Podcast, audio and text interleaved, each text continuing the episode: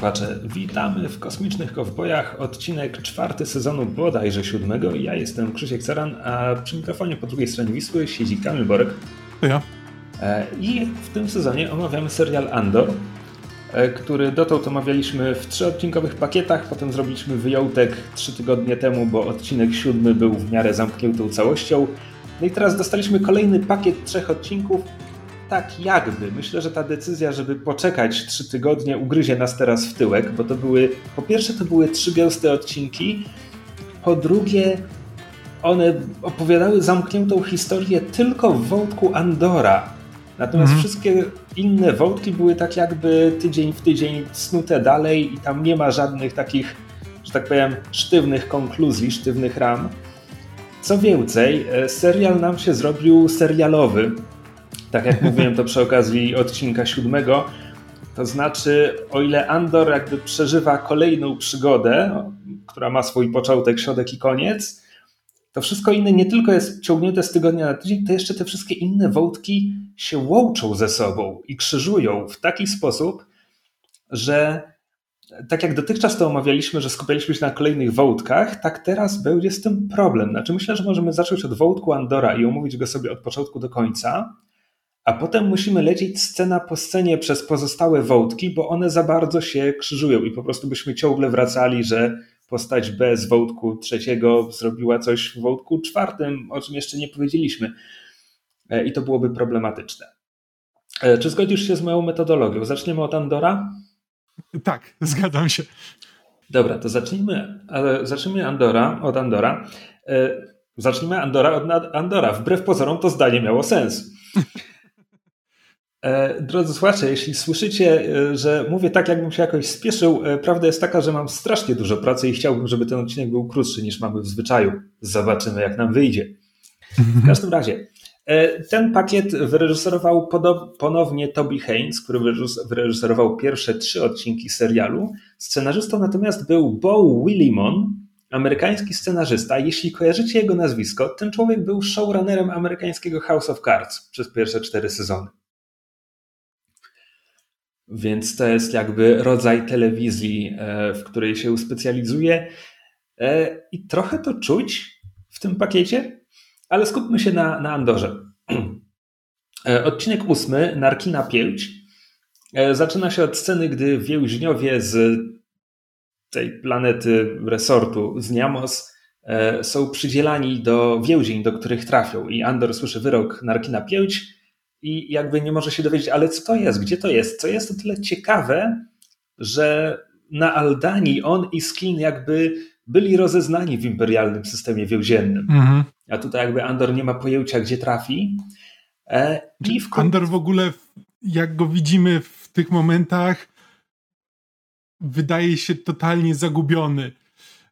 Jakby do tej pory on nawet jeśli nie wiedział, co zrobić, to zawsze albo udawał, że wie co zrobić, albo po prostu wierzył, że coś wykombinuje. A tutaj w momencie, kiedy pytają go o nazwisko i on mówi taki Girgo, Kif Girgo, on mówi to takim tonem, jakby liczył na to, że za którymś razem jak powtórzy Kif Girgo, to ktoś powie, że a, nie, to, to totalna pomyłka, nie, nie, ty, ty, ty wracaj do siebie, bo to nie o ciebie chodziło. Tak, zastanawiam się, czy to ma nam sugerować, że on przeszedł coś strasznego w tym imperialnym poprawczaku, że, że, że teraz jest taki rozbrojony przez sam fakt tego, że znowu znalazł się za kratami. W każdym razie. Wydaje mi się, że to jest bardziej kwestia tego, że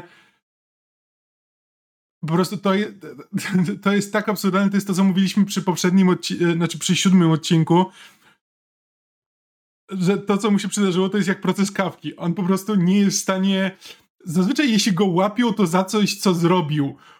Za autentycznie jakiś, jakieś przestępstwo. A to jest dla niego tak absurdalne. I jeszcze w dodatku nigdy się nie spotkał z takim procesem osądzania.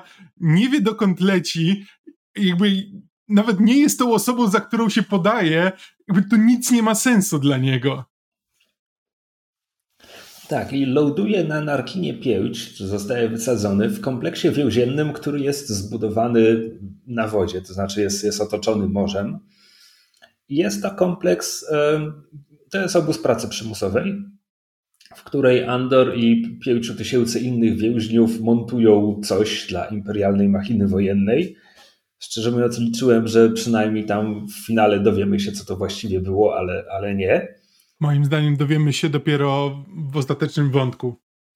Ja się zastanawiam, czy się tego kiedykolwiek dowiemy, tak naprawdę. No po prostu wykonywali pracę dla imperium. E, I tutaj jest wiele skojarzeń. Hmm. Po pierwsze, więźniowie każą, każą im zdjąć buty, więc wchodzą do więzienia boso. E, dowiadują się wkrótce, że to dlatego, że więzienie jest zbudowane ze specjalnej, zelektryfikowanej podłogi. Strażnicy mają buty, więźniowie nie mają butów. E, naczelnik tego więzienia z taką radością wokół i na twarzy im tłumaczy, że przyszliśmy tu do was, stoimy tu przed wami bez broni, ale jak to tak zapytacie? Czemu, czemu jesteśmy tacy śmiali? A to dlatego, że podłoga was razi prądem. Oczywiście on mówi, przyszliśmy tu do was bez broni, podczas gdy on i dwóch jego przybocznych mają elektropałki, mhm. więc to jest takie... Znaczy to jest po prostu jak na Imperium to są niemal nieuzbrojeni. No tak, tylko że za moment Andor będzie odprowadzany do swojego, na swój poziom przez strażników z karabinami, więc znowu. Tak, bo to jest czysta teatralność. Jakby to jest tylko po to, żeby, żeby wygłosić przemowę. A reszta dalej nie ma znaczenia. Tak. Ale w momencie, gdy Andor znajduje się w tym więzieniu i zostaje odprowadzony na swój poziom, tu już jest bardziej sobą. Tu już kamera pokazuje nam, jak on się rozgląda, jak on zauważa pewne detale, tak jak to, że jest opóźnienie przy tym transferze. Ewidentnie tam jest za mało personelu, bo więźnia powinno odprowadzać dwóch strażników, nie ma tego drugiego, gdzie on jest, co się dzieje.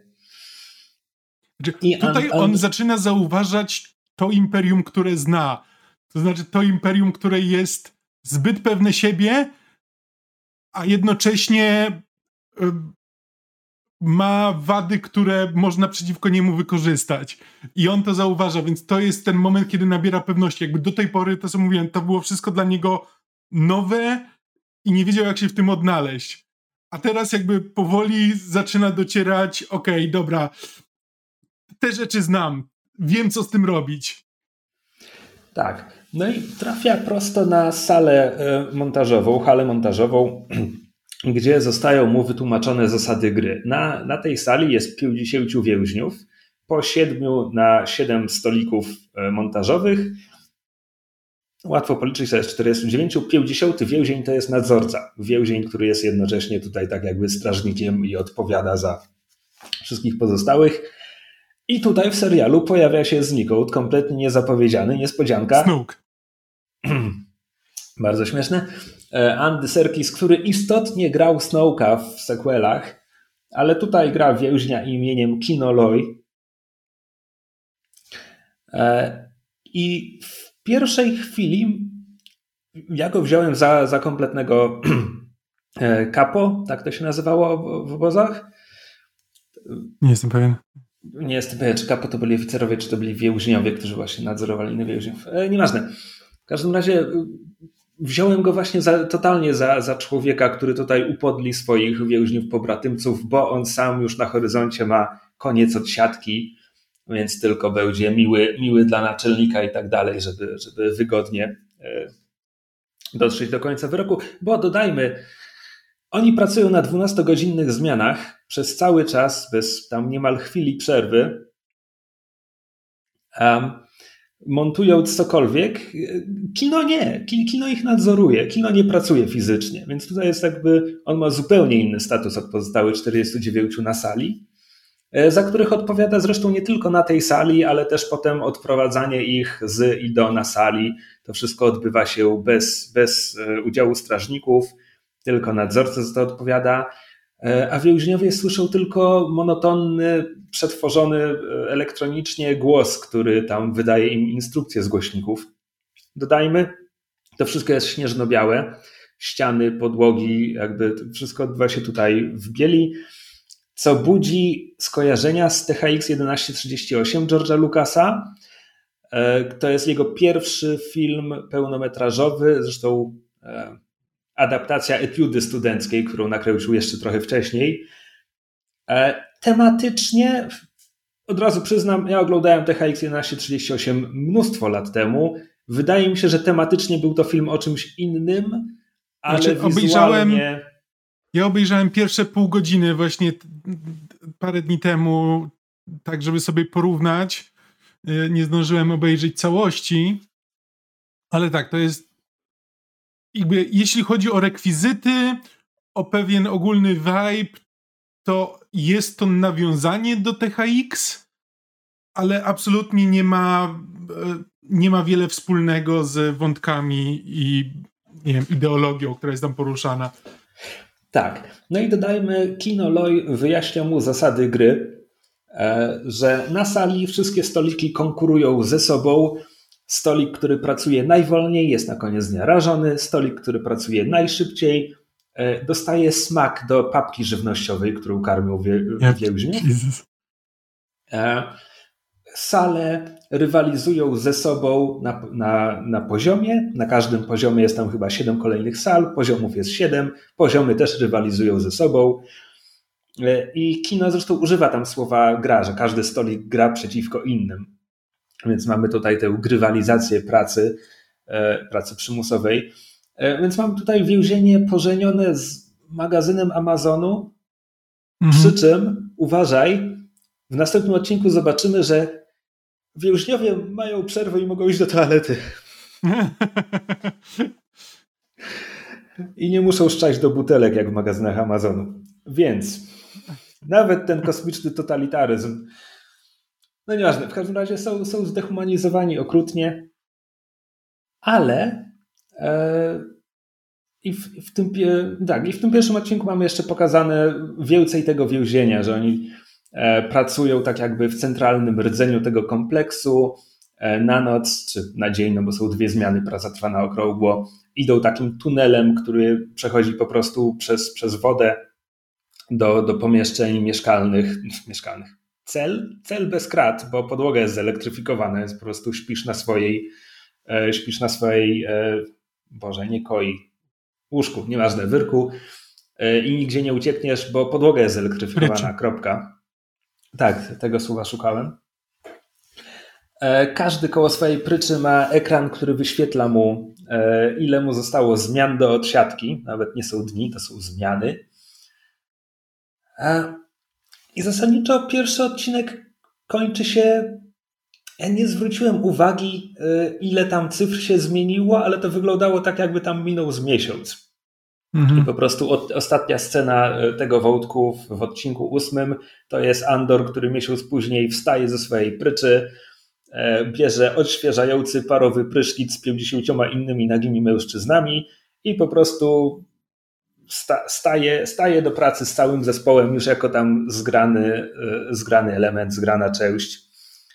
Dodajmy, bo tutaj e, przedstawiono mu wszystkich kolegów ze stolika, z których ważnych będzie dwóch. E, jeden to Ulaf, najstarszy z nich, e, taki siwy, siwy gość po, po 60 prawdopodobnie. Drugi, który tak naprawdę jest ważny tylko jeśli bardzo, bardzo, bardzo, bardzo dobrze pamiętasz Rogue One albo z finału dziesiątego odcinka, bo nazywa się Melshi i był jednym z żołnierzy, których Cassian zabiera razem z całą resztą grupy na, na Skari w finale.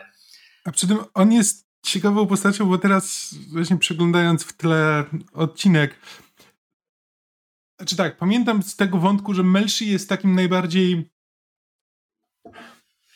nihilistycznym, nihilistyczne ma podejście. To, nawet nie jest defetystyczne, to jest po prostu na zasadzie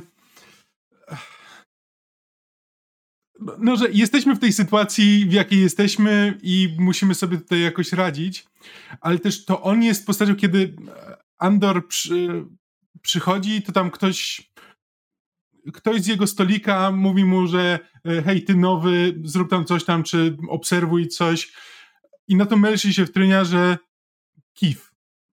Że co? Że on ma na imię Kif, prawda? I jakby Melshi mimo wszystko dba o to, żeby, żeby te relacje między nimi, żeby nie byli tylko tymi pracownikami, który, których wykorzystuje system, tylko żeby pamiętali o swoim człowieczeństwie nawzajem. jakby widać też w relacjach między więźniami, że mimo, że właśnie wszystko jest ustawione na tę grywalizację, stoliki konkurują między sobą, pokoje konkurują ze sobą, piętra konkurują ze sobą, mimo wszystko ludzie nie dają się e, poza pracą, nie, nie przechodzi to dalej. Jakby wtedy ta rywalizacja już nie ma znaczenia, nie, nie są swoimi wrogami. Użyłeś słowa ludzie, które sprowokowało mnie do krótkiej dygresji. Aha. Bo w internecie można napotkać argument, że, że Andor to nawet nie są Gwiezdne Wojny, bo jest za dobry, chłe, chłe. E, że, że to jest po prostu film o napadzie i tak dalej, ale gdzie to są te Gwiezdne Wojny? Ja zwykle to olewam, po prostu to są Gwiezdne Wojny, tak jak oryginalne Gwiezdne Wojny były Gwiezdne Wojnami. Oryginalne Gwiezdne Wojny to był George Lucas, który papugował e, japońskie kino Kurosawy i Flasha Gordona i westerny i tylko umieścił to w kosmosie. Flasha Gordona nawet nie musiał umieszczać tego w kosmosie, bo, bo już tam był. Andor, tak, ma historię o napadzie, ma historię o ucieczce z więzienia i umieszcza je w kosmosie i dlatego to są Gwiezdne Wojny. A jednocześnie jest taki argument o adaptacjach filmów superbohaterskich, że jak tam, jeśli bohater nie ma swojego kostiumu, tylko jakąś ekranową namiastkę i nigdy się do, nikt do niego nie zwraca jego superbohaterskim tym no, pseudonimem, to, to widz może zostać z wrażeniem, że twórcy trochę się wstydzą tego, że adaptują komiks i wiele filmów faktycznie na to cierpi. Ja nie mówię, że twórcy Andora wstydzą się tego, że robią Gwiezdne Wojny, ale to jest dziwne w obrębie świata przedstawionego, gdy mamy imperialne więzienie, w którym jest pięciu tysięcy więźniów i to są sami ludzie. Mhm. Bo jednak ja rozumiem, że na salonach u szczytu władzy na Korusant tam będą przede wszystkim ludzie, choć na imprezach Mon Mothmy są kosmici, ale w imperialnym więzieniu to jednak już spodziewałbym się mnóstwa kosmitów. Znaczy, jedyne, co mógłbym powiedzieć w obronie tego, choć ogólnie zgadzam się z, z tym, co mówisz, to jest to, że to jest tak naprawdę można odnieść wrażenie, że to jest wyższej klasy więzienie. Bo jakby poza tym, że jakby trzymają w szachu ludzi poprzez różne y, psychologiczne manewry, to nawet jakby kino tłumacząc Andorowi jakby podkreśla, że że zasadniczo nie zwracają na nich uwagi, jakby masz po prostu pracować, jeśli pracujesz i robisz co do ciebie należy, to, to masz święty spokój. I po prostu można sobie spokojnie swoje, um, swój wyrok odsiedzieć i nie jest to szczególnie um, odczłowieczające czy okrutne, gdzie wyobrażam sobie, że być może właśnie specjalnie do takiego więzienia są kierowani ludzie, jeśli zakładamy, że imperium jest e, jakby rasistowskie pod tym względem. Nie jestem pewien, na ile to jest prawda w nowym kanonie. Znaczy, umówmy się, no. W armii i marynarce imperium poza jednym specjalnym smerfem są sami ludzie, bo imperium jest rasistowskie. Tak, no to być może gatunki jeśli chcemy być bardzo precyzyjni. Być może obcy są kierowani do zupełnie innego rodzaju więzień. Co też jest w sumie interesujące, bo w ostatnim odcinku widzimy też tę różnicę, jak tylko zjeżdżamy na niższy poziom korusant, to on już jest pełen obcych. Tak, i w ogóle w tamtej scenie chyba było więcej kosmitów niż przez cały dotychczasowy serial. E, w każdym razie, e, tak. E, jeszcze, jeszcze... A, jeszcze jedna rzecz, która mi przyszła do głowy, bo myślałem o tym też wczoraj. I to miałoby sens i jakby ta różnica na Korusant, że okej, okay, na Korusant na górze są ludzie, na dole są kosmici, miałoby trochę więcej sensu, gdyby Ferix nie było też tak bardzo mocno ludzkie. Że Ferix jest też pełny no. ludzi, poza tam jakimiś tokenowymi obcymi, którzy tam się pojawiają, głównie jako comic relief. No tak, tak. Natomiast jakby Ferix mi już tak bardzo nie przeszkadza na, na zasadzie, że to jest to jedno miejsce nie wiem, czy to kiedyś była kolonia, którą założyli tylko ludzie, czy coś, i jacyś kosmici tam są. Tutaj mm. to jest dla mnie problem, bo to jest jakby więzienie, jakby kogo Imperium będzie zamykało w więzieniach, jak nie właśnie gatunki, wobec których jest gatunkistowskie. Mm. Oraz no mówię, jedyne co to, że może to jest po prostu taki rodzaj więzienia. E, tak, no w każdym razie to była, to była dygresja. Aha, jeszcze w tamtym odcinku z dwóch ważnych rzeczy. E, jedna jest taka, że kino jakby wprowadza Andora w realia więzienia, po czym mówi mu, jak masz problem z innym więźniem, przyjdź do mnie. Jak masz problem, bo nie dajesz rady, bo się załamujesz, bo coś tam w tobie pełka, trzymaj to dla siebie. Więc kino mm. jakby mówi, że on pomoże z problemami, które mogłyby się rozlać na całą brygadę, ale jakieś osobiste problemy czy coś, jakby wal się, jesteś tym samym sobą. I nocą, e, nocą jeden z więźniów z ich sali zabija się. Wychodzi na, na tę zelektryfikowaną podłogę, bo jakby system go złamał. Więc kiedy mówisz, że to jest więzienie jakby lepszego sortu, ono jest kompletnie dehumanizujące. Znaczy, więzienie z natury rzeczy jest dehumanizujące. To jest po prostu kwestia tego, ja mówię bardziej z perspektywy imperium, gdzie na zasadzie imperium może sobie pomyśleć, że ej, oni tutaj będą pracować, będą dostawać jedzenie, nie będziemy ich bić po nocach, tylko po prostu mają, mają się trzymać tego, co im każemy i wtedy mogą sobie żyć. Torturujemy ich elektrostrusami tylko kiedy się obijają. Tak, no jest, to, to jest Wołdek Andora w odcinku ósmym, Narki na pięć. Odcinek dziewiąty, nikt nas nie słucha. To motto wielu naszych podcastów. Ma w więzieniu ma dwa główne wątki. Pierwszy wątek jest taki, że e, cała ta zgrana grupa przy stoliku Andora coraz bardziej musi kryć za Ulafa, tego najstarszego, najstarszego więźnia, e, który jakby coraz wolniej pracuje, zaczyna mieć problemy z pamięcią, więc jakby oni co chwila, co chwila tam jakoś, jakoś go kryją. I drugi wątek to jest, co wydarzyło się na poziomie drugim.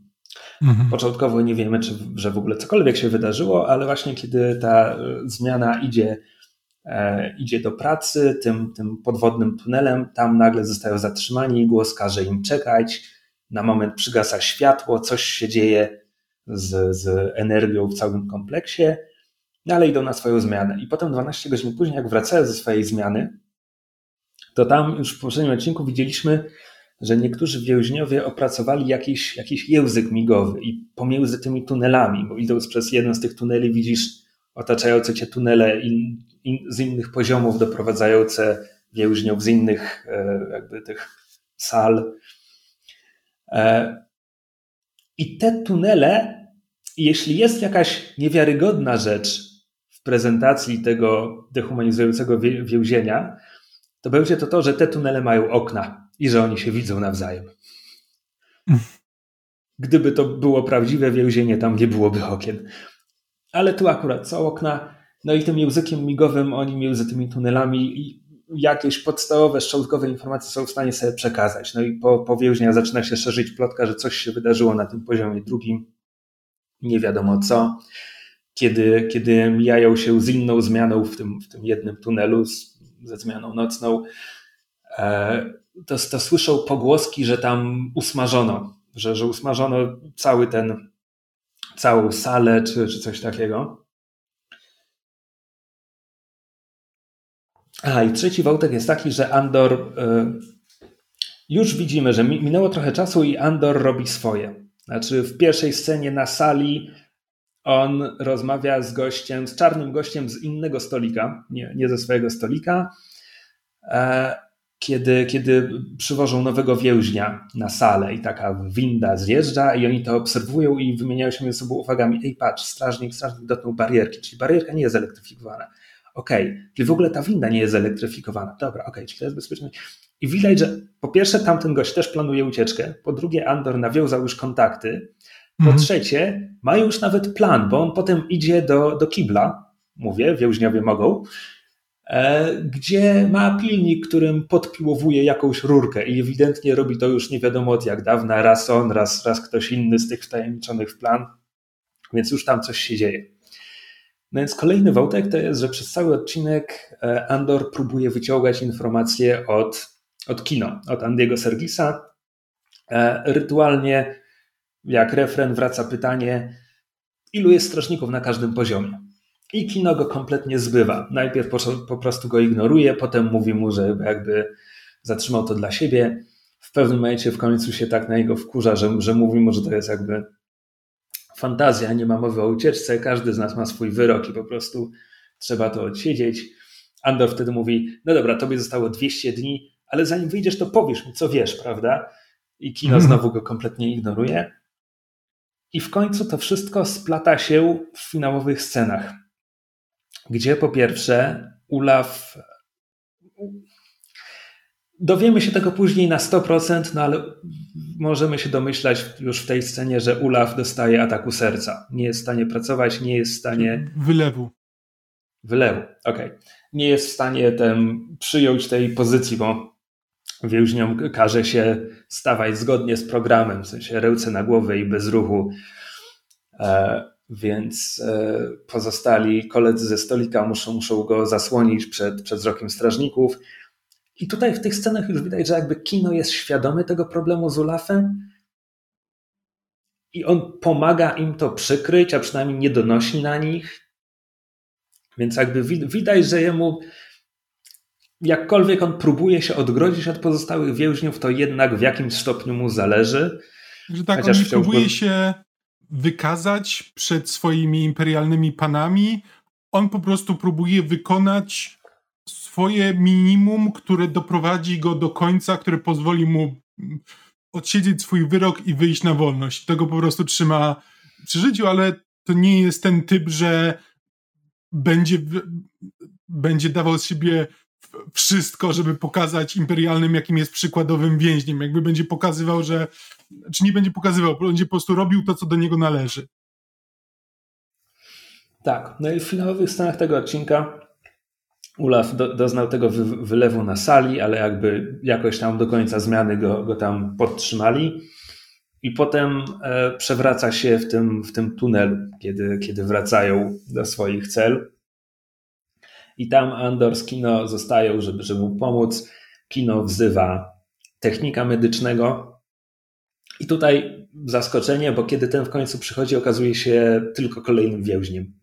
Ma inny pasek na tym na, na tym kombinezonie, w którym, w, którym, w którym ubrani są wszyscy więźniowie, ale jest też tutaj więźniem. No i bardzo szybko mówi, że on nie jest w stanie w żaden sposób pomóc Olafowi. I kino jakby tego nie rozumie. Kino mówi, ale przecież zostało mu tylko jakby 40 zmian. No, daj mu coś, żeby, żeby dociągnął do, do końca i, i wyszedł. A ten technik mówi, no po pierwsze, że nie, nie ma jak mu pomóc, tak bardziej do siebie dodaje, że on nie jest w stanie pomóc nikomu w tym kompleksie. E, I zasadniczo dokonuje eutanazji na Ulafie. Mówiąc jednocześnie, że Ulaf i tak ma szczęście w porównaniu z tym, co, co spotka całą resztę. No i tutaj Andor zaczyna go wypytywać, o czym on mówi, co się stało na, na poziomie drugim. Tamten nie chce odpowiadać. On wręcz mówi... odzywa się do kino, że pilnuj swoich ludzi. Tak, no i dopiero kiedy kino podejmuje temat jakby przymusza go do odpowiedzi, to, to słyszy od niego, że tak usmażono. Ja nie, nie wiem, czy chodzi o cały poziom drugi, czy, czy chodzi o całą salę na poziomie drugim, bo tam potem jest, mam wrażenie, że raz pada fraza, że, że chodzi o cały poziom, potem jest mowa o setce ludzi, a to byłyby tylko dwie sale, więc e, no, ale szczegóły nie są ważne. No i ten medyk tłumaczy, że prowadzący więzienie popełnili pomyłkę, że człowiek, który właśnie zakończył wyrok na poziomie czwartym, trafił natychmiast na poziom drugi i że tam zabili jego, wszystkich z tej sali i być może z żeby tę pomyłkę przykryć. Bo prawda jest taka, że jakby nikt nikogo nie wypuszczał. Wszyscy Jedyna, jedyny sposób, żeby opuścić to, to, to więzienie, to tak jak Ulaf właśnie to zrobił. I kiedy e, Andor i Kino wracają, znaczy strażnik rozkazuje im opuścić ten korytarz, wrócić do cel. Andor ponownie zadaje pytanie, ilu, ilu jest strażników na każdym poziomie i tym razem kino odpowiada co najwyżej 12. Mhm. Koniec. E, zastanawiałem się nad tą pomyłką, bo tam trudno, trudno było mi zrozumieć, na czym to właściwie ma polegać. Bo, bo założyłem, że pomyłka jest taka, że wypuścili go na czwartym poziomie w tym więzieniu, zamiast przenieść go do tego więzienia, które, bo tam na horyzoncie widać pięć czy sześć innych identycznych kompleksów, kiedy, kiedy Andor tu tam, tam przylatuje. Ale przecież w tamtym kompleksie też zaraz by się dowiedzieli, że ale on właśnie zakończył wyrok w tamtym więzieniu, więc o co chodzi. Więc to nie może tak działać, bo to też nie miałoby sensu. W dziesiątym odcinku pada sugestia, że wyciągają tych, którzy zakończyli swój wyrok tylko po to, że żeby zamknąć ich w jakimś innym więzieniu, gdzie już nie będą pracować, tylko po prostu tam będą siedzieć, póki, póki nie umrą. E, więc być może pomyłka polegała na tym, że nie znaczy, wyprowadzono to... go do innego więzienia. Trudno powiedzieć. To jest tylko kwestia organizacyjna, żeby to tak załatwić, że kiedy ktoś, kiedy komuś się kończy wyrok, wychodzi i przesuwają go do innego, upewniając się, że w danej grupie nie ma nikogo, kto wcześniej był w tym więzieniu, że przesunąć go po prostu do jednej z kilkudziesięciu albo kilkuset grup. Jest ich na tyle dużo, że i tych kombinacji, że można to załatwić, można to zautomatyzować. Tylko ale, po prostu ale właśnie, coś w właśnie tym procesie nie wyszło. Mówię. Ale, nie, ale właśnie o tym mówię, że to i tak nie ma sensu, no bo nawet jak trafi gdzieś, gdzie nikt go nie zna, no to powie tym, co go nie znają, ale ja właśnie zakończyłem odsiadywać wyrok i znowu tutaj jestem i, i tam A, też tak, będzie błąd. tak, nad tym dla, też się zastanawiałem i... Dlatego jakby jedyne logiczne wyjaśnienie dla mnie jest takie, że to ma działać tak, że oni pracują, po czym po zakończeniu wyroku nie zostają wypuszczeni, tylko zostają zrzuceni gdzieś do jakiegoś więzienia, z którego już naprawdę nikt nie, wy, nie wychodzi, ale tam też nie zmusza się ich do pracy, no bo by się buntowali. Nieważne, znaczy, no jakby... Kolejna, puenta trochę znaczy jest jeszcze jedna taka, rzecz w tym jest... wszystkim, która dla mnie trochę mi to trudno kupić, bo tutaj nikt z tych więźniów nie ma kontaktu ze światem zewnętrznym. I żeby to działało właśnie w ten sposób, że ktoś wychodzi i od razu trafia do następnego więzienia, nie może mieć kontaktu ze światem zewnętrznym. Więc albo po prostu wrzucają do tych więzień ludzi, którzy nie mają żadnych, żadnej rodziny, E, z którą mogliby się skontaktować. Albo to, nie to, mają to jak się skontaktować. Bo są Słucham? w więzieniu. No, no nie mają jak się skontaktować, bo są w więzieniu przecież. No ale w więzieniu możesz się skontaktować z no ludźmi, jakby masz. No przecież tutaj widziałeś, żeby dawali im telefon raz dziennie, raz na miesiąc? No nie. Nie, no, no właśnie nie dają, no ale, ale właśnie to jest. Te, te, ja rozumiem, że to jest imperium. Imperium jest bardzo złe, ale jakby trudno mi uwierzyć w więzienie, które w ten sposób działa. Przy czym, powiedziawszy to wszystko, moim zdaniem trzeba to te więzienia tutaj traktować trochę jako bardziej metaforę e, kompleksu jakby przemysłowo-więziennego, gdzie jakby nie ci sami, znaczy ci sami ludzie wciąż trafiają do więzień, tylko że po prostu dostają nowy wyrok za y, kolejną pierdołę, e, ale bardziej chodzi o to, że po prostu jest stały obieg i znajdujemy ludzi do tego, żeby zamknąć w więzieniu, żeby mogli pracować, niż to, że to są ci sami, to jest bardziej moim zdaniem należy traktować trochę bardziej metaforycznie niż, e, niż dosłownie. Mogę się z tym zgodzić. E, wątek więzienny w odcinku dziesiątym, tytuł e, One Way Out, tylko jedna droga ucieczki, zaczyna się zaraz potem, mm, bo zaczyna się od sceny, gdy Andor mówi Kino, że tak, uciekamy, planujemy ucieczkę, co więcej musimy to robić już teraz, już natychmiast. I to jest fajne w Andorze, że to, że, to, że na koniec poprzedniego odcinka Kino jakby udzielił informacji, jakby my, widzowie, dostaliśmy już informację, tak, on teraz też jest po stronie Andora i w ogóle, to nie znaczy, że nie ma wątpliwości. I nie znaczy, że nie trzeba ich przekonywać jeszcze raz. E, Co jakby, to, to mieliśmy to w Aldanii, kiedy jakby Wel, jakby mm-hmm. doświadczona komandorska, e, jakby przywódczyni tej grupki i w ogóle nie może się zmusić do tego, żeby dać sygnał do akcji ze względu na całe to ryzyko, napięcie, nerwy i tak dalej. Więc to jest podobny chwyt tutaj. E, no i jakby kino wciąż nie, nie wydaje się przekonany na koniec tej sceny, no ale Andor trochę, trochę nie daje mu wyjścia, e, bo, bo wchodzą do celu. E, I Andor najpierw, wszyscy dopytują, co z Ulafem i tak dalej, no i Andor najpierw sam zaczyna im mówić, co się dzieje, po czym, po czym mówi Kino, że oni muszą to usłyszeć od ciebie. No jakby... I Kino w końcu zaczyna im mówić. Znaczy, po, po pierwsze krzyczy, żeby, żeby urwać te wszelkie spekulacje i tak dalej, hałas, i potem w, w ciszę zaczyna mówić, że nikt nie opuści tego więzienia, że Ulaf nie żyje, co się stało na poziomie drugim, że jakby jedyny sposób, żeby opuścić to więzienie, to jeśli, to jeśli stąd uciekniemy.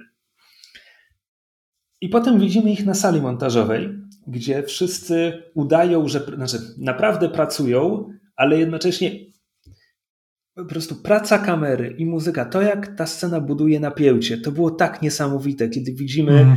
jak co chwila rzucają spojrzenia na strażników, kiedy widzimy, jak ukrywają e, jakieś kawałki rury i inne tego typu rzeczy po rękawach, kiedy widzimy, jak się do tego wszystkiego przygotowują, a potem jeszcze Andor idzie do kibla dalej piłować tę rurkę, która jak się okaże jest kluczowym elementem planu ucieczki, e, w momencie, gdy właśnie na salę ma wjechać nowy więzień, który zastąpi Ulafa.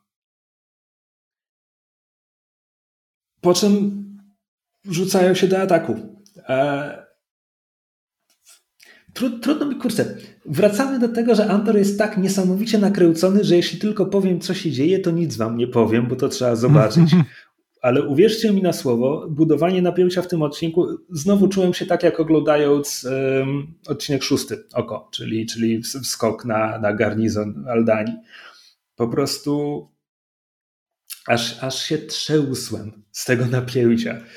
Szczególnie, że od samego początku tak naprawdę serial ustala, że nikt tutaj nie jest bezpieczny. Znaczy, okej, okay, Andor jest bezpieczny, bo wiemy, że żyje na początku Rogue One. Melsi wiemy, że żyje na początku Rogue One. To są dwie postaci, którym nie może się nic stać e, podczas tej ucieczki, jakby wiemy, że im się uda. Ale jest ten, ten czarny więzień, z którym właśnie Andor w poprzednim odcinku rozmawia o tej ucieczce. To jest zresztą pierwsza osoba, którą widzimy, kiedy Andor trafia do tego więzienia. Jakby najpierw jest, kiedy oni stoją w szeregu, to najpierw widzimy jego twarz, później dopiero, później dopiero resztę. Ja byłem przekonany, że, że on przynajmniej odegra rolę w tym, e, w tym ataku, a on jakby on odgrywa rolę. robi to, co on, do niego należy, rzuca się na platformę i od razu dostaje blasterem w twarz. I koniec. I nawet i znowu, tak jak przy tej strzelaninie w tej w bazie Podczas imperialnej, napadu. kamera się na tym nie skupia. Pada trup i tyle. Tak, tutaj zresztą pada, pada wiele trupów, w tym właśnie ludzie, ludzie ze stolika Andora, ludzie, których już kojarzyliśmy, bo pojawiali się w kolejnych scenach przez te trzy odcinki. E, w każdym razie tam jeden czy dwóch strażników zostaje powalonych czy, czy zastrzelonych wręcz, e, kiedy części więźniów udaje się zdobyć broń. A w tym momencie jakby próbują porazić ich wszystkich, więc jakby więźniowie najpierw wskakują na swoje stoliki robocze, i tutaj wyjaśniło się, czemu Andor piłował, piłował rurkę w kiblu przez nie wiadomo ile miesięcy, bo zalana podłoga doprowadza do zwarcia w momencie, gdy próbują ją zelektryfikować. E, i przepalenia tych obwodów. I nagle, nagle są bezpieczni, nie mogą zostać porażeni, więc e, wdrapują się tam na poziom, gdzie są strażnicy. Przy okazji ginie ich wielu, ale w końcu jakby opanowują salę, zabierają broń ze stróżówki i zaczynają błyskawicznie rozlewać się po całym kompleksie. Jakby zabijają strażników pilnujących kolejnych sal, uwalniają kolejne sale pełne więźniów. I ten, ten bunt jest jakby błyskawiczny, bo jakby Andor dobrze wiedział, wszyscy w więzieniu tak naprawdę wiedzieli, że tych strażników jest tu bardzo mało. Za mało, zdecydowanie za mało.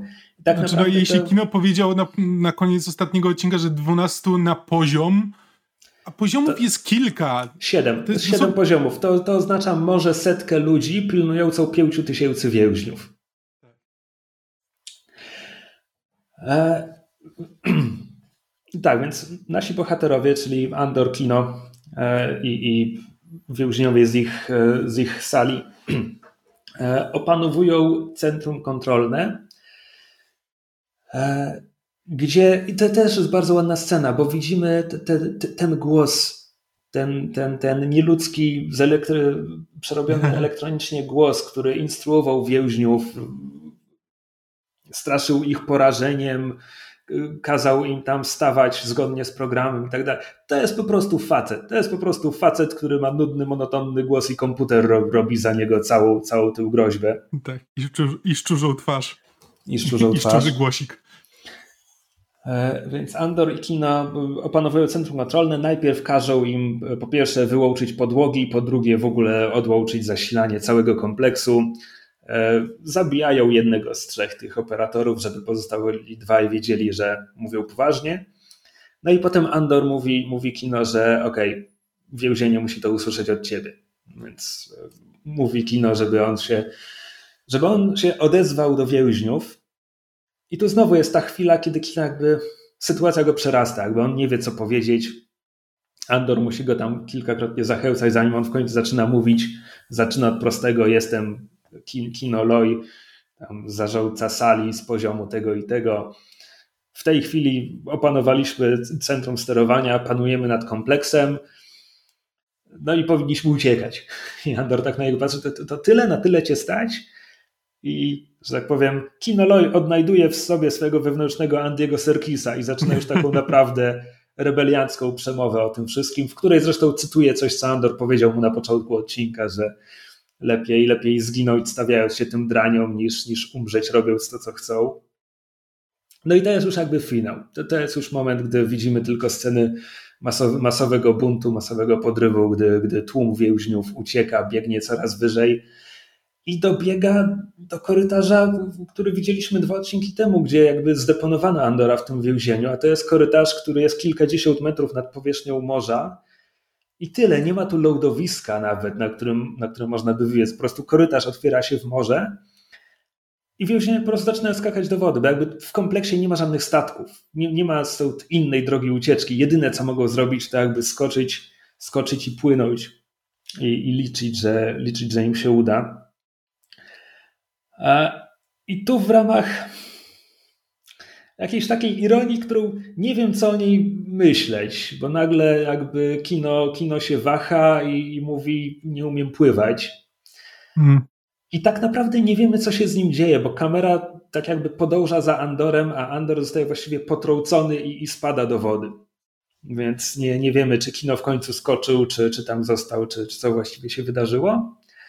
Jest bardzo ładne ujęcie z góry, które pokazuje nam e, ośmiokątny kształt tego więzienia, pasujący zresztą do kształtu godła imperialnego i tych więźniów w białych skafandrach, którzy odpływają jak taka ławica ryb rozpierzchająca się. Ja I myślę, potem... że w kwestii tego, co się dalej stało z kino, to to jest geneza tego, jak powstał Snoke. Mhm. Okej, okay. E, więc ignorując to, e, ten wątek, ten wątek ma potem już tylko jedną scenę, gdzie gdzieś na brzegu dwóch więźniów biegnie, żeby, żeby tam, żeby uciec. Gdzieś w tle widać jakieś statki, snopy światła, poszukiwania uciekinierów. No i tych dwóch więźniów to jest Andor i Melshi. E, I to jest koniec tego wątku. I rany boskie naprawdę jakby rzucało mną w fotelu, jak oglądałem mm. ten odcinek. Po prostu moje ciało nie wiedziało, co zrobić z całym tym napięciem i emocjami. Niesamowite. Tak, ja, jest... nigdy tak nie reaguję, oglądając rzeczy. To, to jest Obsadzenie jak... Serkisa w roli kino, jakby jego relacja z Andorem jest fantastyczna i i to jest, to, to jest jeden z głównych powodów, dla których to się to, tak ogląda, bo po prostu jakby czujesz to, jakby Andy Serkis gra to, gra to fantastycznie, jakby autentycznie czuć to napięcie. I właśnie nawet sam ten fakt, że Andor go musi zachęcać do tego, żeby on zagrzał swoich ludzi do, do buntu, a on nie potrafi tego z siebie wydobyć. To nie jest ten. To, na początku, na początku, na końcu poprzedniego odcinka, masz takie wrażenie, że tak, teraz kino zrozumiał i teraz wie, co musi zrobić. Tak, zrozumiał, ale to nie znaczy, że to jest dla niego łatwe, że wciąż każda decyzja, każdy krok, który musi podjąć, jest trudny i czujesz to, kiedy to oglądasz. Tak, jest to niesamowicie zrealizowane. Znowu, jeśli, jeśli na tym etapie wciąż ktoś słucha tego podcastu, nie oglądając Andora, ja wiem, że nagrywamy dobry podcast, ale naprawdę obejrzyjcie ten serial. Absolutnie. Okej. Okay. Inne wątki. Um, w, miarę, w miarę, że tak powiem, szybko i po łebkach. E, Pierwsza scena w odcinku ósmym z innego wątku to jest Sybil, który. Cyril. On się nazywa Cyril. Czym ja go nazywam? Cyril. Tak. E, który zostaje wyrwany ze swojej komórki w urzędzie miar i wag. I jest scena, na którą czekał. I scena, na którą my widzowie też czekaliśmy. Bo gdyby to był ten film, którego Cyril jest głównym bohaterem, to to jest ten moment, kiedy on zostaje rozpoznany ta jego szlachetność zostaje doceniona i w ogóle, bo do urzędu miar i wag przychodzi Dedra, żeby go przepytać. Konkretnie chcę go spytać, e, co się wydarzyło na Ferix, co nie zostało zawarte w raporcie Blewinca. No i tam Cyril mówi, że nie wiem, co jest w raporcie, bo kazano nam go podpisać bez, bez czytania. Więc dostaje trochę czasu, żeby go przeczytać, ale kiedy Dedra do niego wróci i Cyril ma okazję się wykazać, to mówi od rzeczy. Mówi dalej o tym swoim przekonaniu, że tam była masowa, masowa organizacja, która wspierała Andora, e, a kiedy Dedra wypytuje go o współpracownika Andora, bo ISB wie, że tam jest taka ważna rebeliancka figura, która łączy różne te działania, nadali mu kryptonim Axis, to Cyril jest w stanie wydukać tylko, że no był trochę starszy i miał płaszcz, szary płaszcz. Jest tak, kompletnie Dedra... bezużyteczny, jest spektakularnie tak, bezużyteczny. On zdaje sobie sprawę po minie Dedry, że to jest zupełnie bezużyteczne i jeszcze ma jednego asa w rękawie, że słyszał jego głos i byłby w stanie go rozpoznać. I okej, okay, super, ale, ale, ale to i tak w Dedrze w żaden sposób nie, nie pomaga. Więc...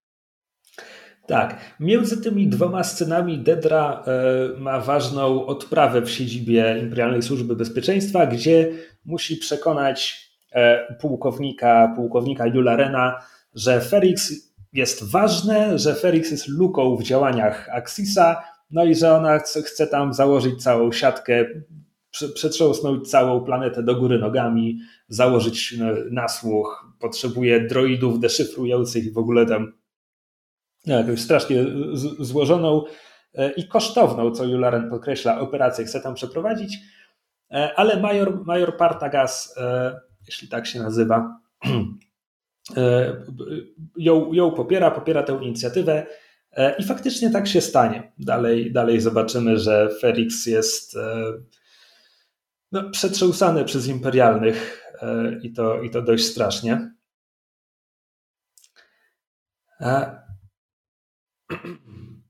Następna scena, i jak mówię, teraz skaczę między wątkami, bo jeśli porzucimy, że tak powiem, ciągłość czasu, to, to się jeszcze bardziej zaplączemy. Więc następna scena to jest y, polityczne przyjęcie u Mon Motmy, na którym ta próbuje, tak?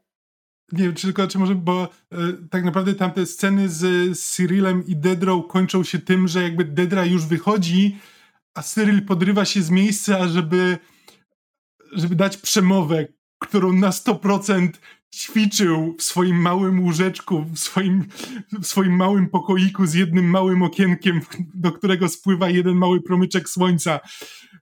I mówi, że był dobrym nadzorcą, że rozwiązał morderstwo. I czy można być zbyt agresywnym w, e, w dążeniu do porządku? Na co Dedra po prostu mówi, że masz zapomnieć o Andorze, i nie, za, i nie zawracać mi głowy. I, i, I to jest tyle. I po prostu ta cała przemowa, to wszystko, do czego on dążył, kompletnie znika jak, jak na tym wideo z shopem praczem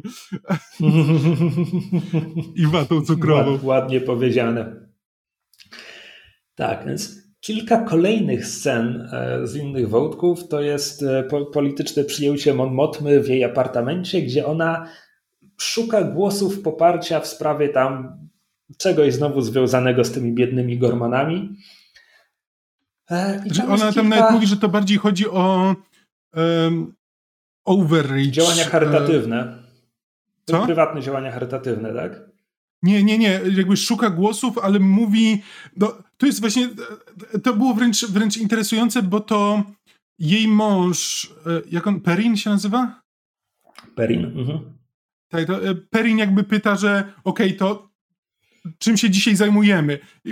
Wskazując na to, że mimo, że ich relacja jest totalnie zniszczona, jakby oni się nie cierpią, to wciąż współpracują, jakby wciąż tworzą pozory i jakby Perin pyta, że okej, okay, to czego teraz, e, e, czego tutaj szukamy? Mon Mothma tłumaczy, że właśnie głosów, żeby zwalczać właśnie ten overreach e, imperatora. Wiele więcej się nie dowiadujemy, ale po prostu interesująca jest ta relacja z Perinem. Tak, no i na tej imprezie jest też Tej, czyli jej przyjaciel bankier, E, którego zresztą obecność dziwi, dziwi córkę Mon Motmy, która mówi, teraz ciągle tu jesteś, czemu, co, co tu się dzieje. E, no z interesujących scen jest rozmowa Mon Motmy z jakimiś innymi politykami, która jest tak jakby jest tak boleśnie o centrystach, kiedy oni mówią rzeczy w rodzaju tak, Palpatine jest irytujący, ale jest skuteczny, tak łatwo daje się sprowokować, ale umówmy się, chodzi mu tylko o nasze bezpieczeństwo. Mhm. Jakby Mon Mothma odgrywa swoją rolę jakby bezużytecznej liberałki, kiedy, kiedy mówi, no tak, ale, ale ile za cenę tego bezpieczeństwa i czy to naprawdę jest tego warte. E, no jest to taka strasznie jałowa rozmowa. Jest tam fantastyczny easter egg i znowu jest to easter egg, że tak powiem, dla fanów, dla koneserów a nie, że tam Boba Fett przejdzie na drugim planie. E, bo jeden z typów w tej rozmowie jest ubrany w takie dziwne czapy i ma bardzo śmieszną czapkę. Dziwne szaty, co powiedziałem, dziwne czapy. Wszystko się zgadza.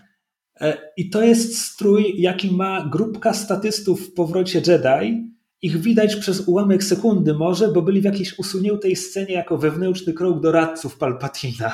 No wow. Znaczy jest jeszcze bardzo ładne jest zakończenie właśnie tej sceny, kiedy Mon Mothma jest z Perinem, zaczynają, e, piją squigi, jakieś robaczki, które wrzucają do alkoholu. E, I właśnie tej... Tradycyjny chandrilański drink, tak. Tak. I jak tej podchodzi i niemal od razu zaczynają taki sparring słowny z Perinem, bo Perin, o ile może mu nie zależeć na swoim małżeństwie, to jednak czuje jakąś taką męską chęć dominacji nad rywalem, bo jakby mam wrażenie, że tak postrzega trochę Teja, bo nazywa go starym chłopakiem Mon Motmy, mimo że oni po prostu byli tam znajomymi z dzieciństwa. I taki jest sparring, który zasadniczo kończy się tym, że e, Perrin tam stwierdza, to wy dokarmiajcie galaktykę, ja idę dokarmić siebie i tej tylko rzuca charity begins at home. Czyli tutaj taka dobroczynność należy zaczynać od najbliższej okolicy. Jakby Perin na to już nic nie mówi, ale po prostu to jest taki ładny pojazd. Tak. Po czym przenosimy się na Ferix, gdzie e, Bix i Brasso e, próbują, perswadują Marwie, żeby po pierwsze dogrzewała dom, po drugie brała swoje lekarstwa. I to jest tylko krótka scena, po czym jakby opuszczają jej dom i kontynuują rozmowę na zasadzie, że ktoś się musi zająć tą starszą panią. Ona nie jest. Jakby, to, nie, to nie są słowa, które padają, no ale kontekst jest taki, że ona nie jest matką żadnego z nich, mm. ale Andora nie ma i ktoś jej musi pomóc. I w zasadzie i to, nie, ogóle... to nie jest tak, że nikt jej nie chce pomóc, bo tam nawet jest mowa o innych osobach, które chcą jej pomóc, jest mowa o jakiejś organizacji kobiecej, e, córki Ferrixu, która prowadzi jakiś najwyraźniej dom dla, dla opieki dla starszych, tylko że Marwa nie chce tam się przenieść. Znaczy, to, jest właśnie najbardziej dołujące w tym wszystkim, że jakby w poprzednim odcinku Marwa też miała tę taką przemowę na zasadzie, że teraz pod ta akcja Aldani to, było, to, to był ten, ten zapłon, że teraz coś zaczyna się dziać i tu się na Feriksie organizuje rebelia. My się teraz dowiadujemy, że to, to jest ułuda starszej pani, która po prostu sobie coś wmówiła i nikt nie wie, o czym ona mówi. I trzeba się nią teraz zająć. Nawet Bix czy Brasso, nie pamiętam, który z nich mówi, że, że, zna, że Marwa tam chodziła, chodziła po tunelach pod Ferix, żeby sprawdzić, czy, czy da się dojść pod ten hotel, w którym ISB zrobiło swoją siedzibę, żeby rebelia mogła go wysadzić. Mhm. Więc, więc tak, więc Marwa już to robi tutaj rozpoznanie dla, dla rebelii, która, której na Ferix nie ma. Wielki asterisk, bo po pierwsze jakby e, wrócimy do tego, wrócimy do tego za moment, bo najpierw, bo najpierw ta, ta rozmowa kończy się tym, że no jakby kto powinien zająć się Marwą? Andor. Nie ma tu Andora, ale może ktoś by coś wiedział i Bix pójdzie do tej tajnej radiostacji Paka, żeby skontaktować się z człowiekiem, którego zna tylko jako nabywcę, e, bo a nuż on wie, gdzie jest Andor. A teraz wracajmy do tego, wróćmy do tego Asterixka, bo kamera przenosi się na drugą stronę ulicy, gdzie e, Sinta i Vel obserwują Brasso, bo obserwują dom Marwy, bo są tutaj, żeby zapolować na Andora, licząc, że tutaj wróci. Zresztą był tutaj jeszcze tam jakiś czas temu, tak? tylko, tylko się z nim minęły. E, po czym Synta i Wel się rozstają, a raczej Synta odprawia Wel. Mhm. E, I kiedy Wel mówi, że no jakby tyle, tyle się nie widziały, że, że po Aldani może, że może mogły mieć trochę czasu dla siebie, no a Synta mówi jej, hej, od początku mówiłam ci, że walka o wolność jest na pierwszym miejscu, a my możemy wydrapać dla siebie jakieś resztki z tego, co zostanie, ale jakby mhm. rebelia przede wszystkim. Po czym scena kończy się trochę łagodniej, bo, bo bierze ją za rękę, no i tam jakby jak, jakieś, że tak powiem, emocje i uczucia tam jednak są, ale to... Tak, ale też Cinta mówi, że ja jestem tylko lustrem, w którym jakby widzisz to, co chcesz. W ogóle jeszcze, bo, bo czemu mówię, czemu mówię, że scena kończy się łagodniej? Bo wcześniej Synta jej właściwie wyrzuca, że, że jest tą tam e, rozkapryszoną, bogatą dziewczynką, która udaje buntowniskę, czy, czy coś takiego. Mhm. Warto zapamiętać te słowa, bo ja, bo ja ich nie zapamiętałem, jak to oglądałem. Warto zapamiętać te słowa, tak. No a potem rozstają się w nieco lepszej komitywie, no ale Vel odlatuje z Ferix, a Synta zostaje tutaj, żeby dalej prowadzić obserwacje. A tymczasem e, Bix e, tak, przesłała komunikat z tajnej radiostacji, i ten wątek jest kontynuowany na Korusant, gdzie, e, jak to się nazywa, Kleda, tak? Czy Klejda? Asystentka Lutena. Kleja. Kleja. Bo e, pamiętam Albo to tylko Leda dlatego, to córka Mon Motmy, tak? Tak, bo są, są dwie kobiety, które są nazwane niemalże imieniem Leja, bo jest Kleja i Lejda. Dobra. E, Kleja odbiera tę wiadomość, po czym jakby mówi, mówi e, Lutenowi, no, że jakby paserka z Felix e, szuka Andora, bo jego matka jest chora. I Luten, ja nie mówię, że on chce pomóc starszej pani, ale on, on chciałby pociągnąć wątek, przynajmniej wyciągnąć więcej informacji, ale Kleja mu mówi, nie mamy pojęcia, kto nadaje, tak naprawdę ISB mogło przejąć radiostację, Dobrze wiesz, że powinniśmy spalić to połączenie, każ mi to zrobić. Co znowu w bardzo ciekawym świetle stawia ich relacje na zasadzie, że tak, ona jest jego podwładną, ale mówi mu teraz prost, wydaj mi ten rozkaz, bo trzeba to zrobić, ty durniu. Tak, znaczy ona jest jego sumieniem. On tutaj rządzi, ale ona jest jego Jiminy Cricketem. Znaczy, znowu nie użyłbym słowa sumieniem w momencie, gdy trudno powiedzieć, które z nich jest bardziej bezlitosne od drugiego ale no właśnie. No w każdym razie. Jest e, tym sumieniem, którego Luten nie ma. Tak, więc, więc Luten wydaje rozkaz, żeby, żeby zerwać to połączenie, wykasować te wszystkie kody, już nigdy, nigdy więcej nie nawiązywać łączności z, z Ferixem. E, więc Bix pozostaje bez odpowiedzi i następnego dnia rano e, jest zamieszanie na ulicach, bo aresztowano Paka. A kiedy Bix się temu przygląda, zostaje dostrzeżona przez imperialnych oficerów, którzy rzucają się za nią w pogoń. I choć Brasso próbuje pomóc jej uciec tam, udając tego naiwnego, znaczy, jak to powiedzieć, niezdarnego idiotę, który tylko przypadkiem tarasuje drogę żołnierzom, mm -hmm. Bix zostaje złapana i ten wątek w tym odcinku kończy się tym, że poznaje Dedrę, która będzie ją przesłuchiwać. Czekaj, gorzej nawet. O Jezu, gorzej nawet przecież e, zaczyna się od momentu, gdy widzimy, że Pak został, że był torturowany. E, tak, i to jeszcze i... widzimy Dedrę jakby kiedy już po prostu totalnie zrzuca maskę, bo do tej pory mieliśmy wrażenie, że no ona jakby jest jest taką idealistką w służbie imperium, ale wydaje się być całkiem spoko, poza tym, że jest faszystką.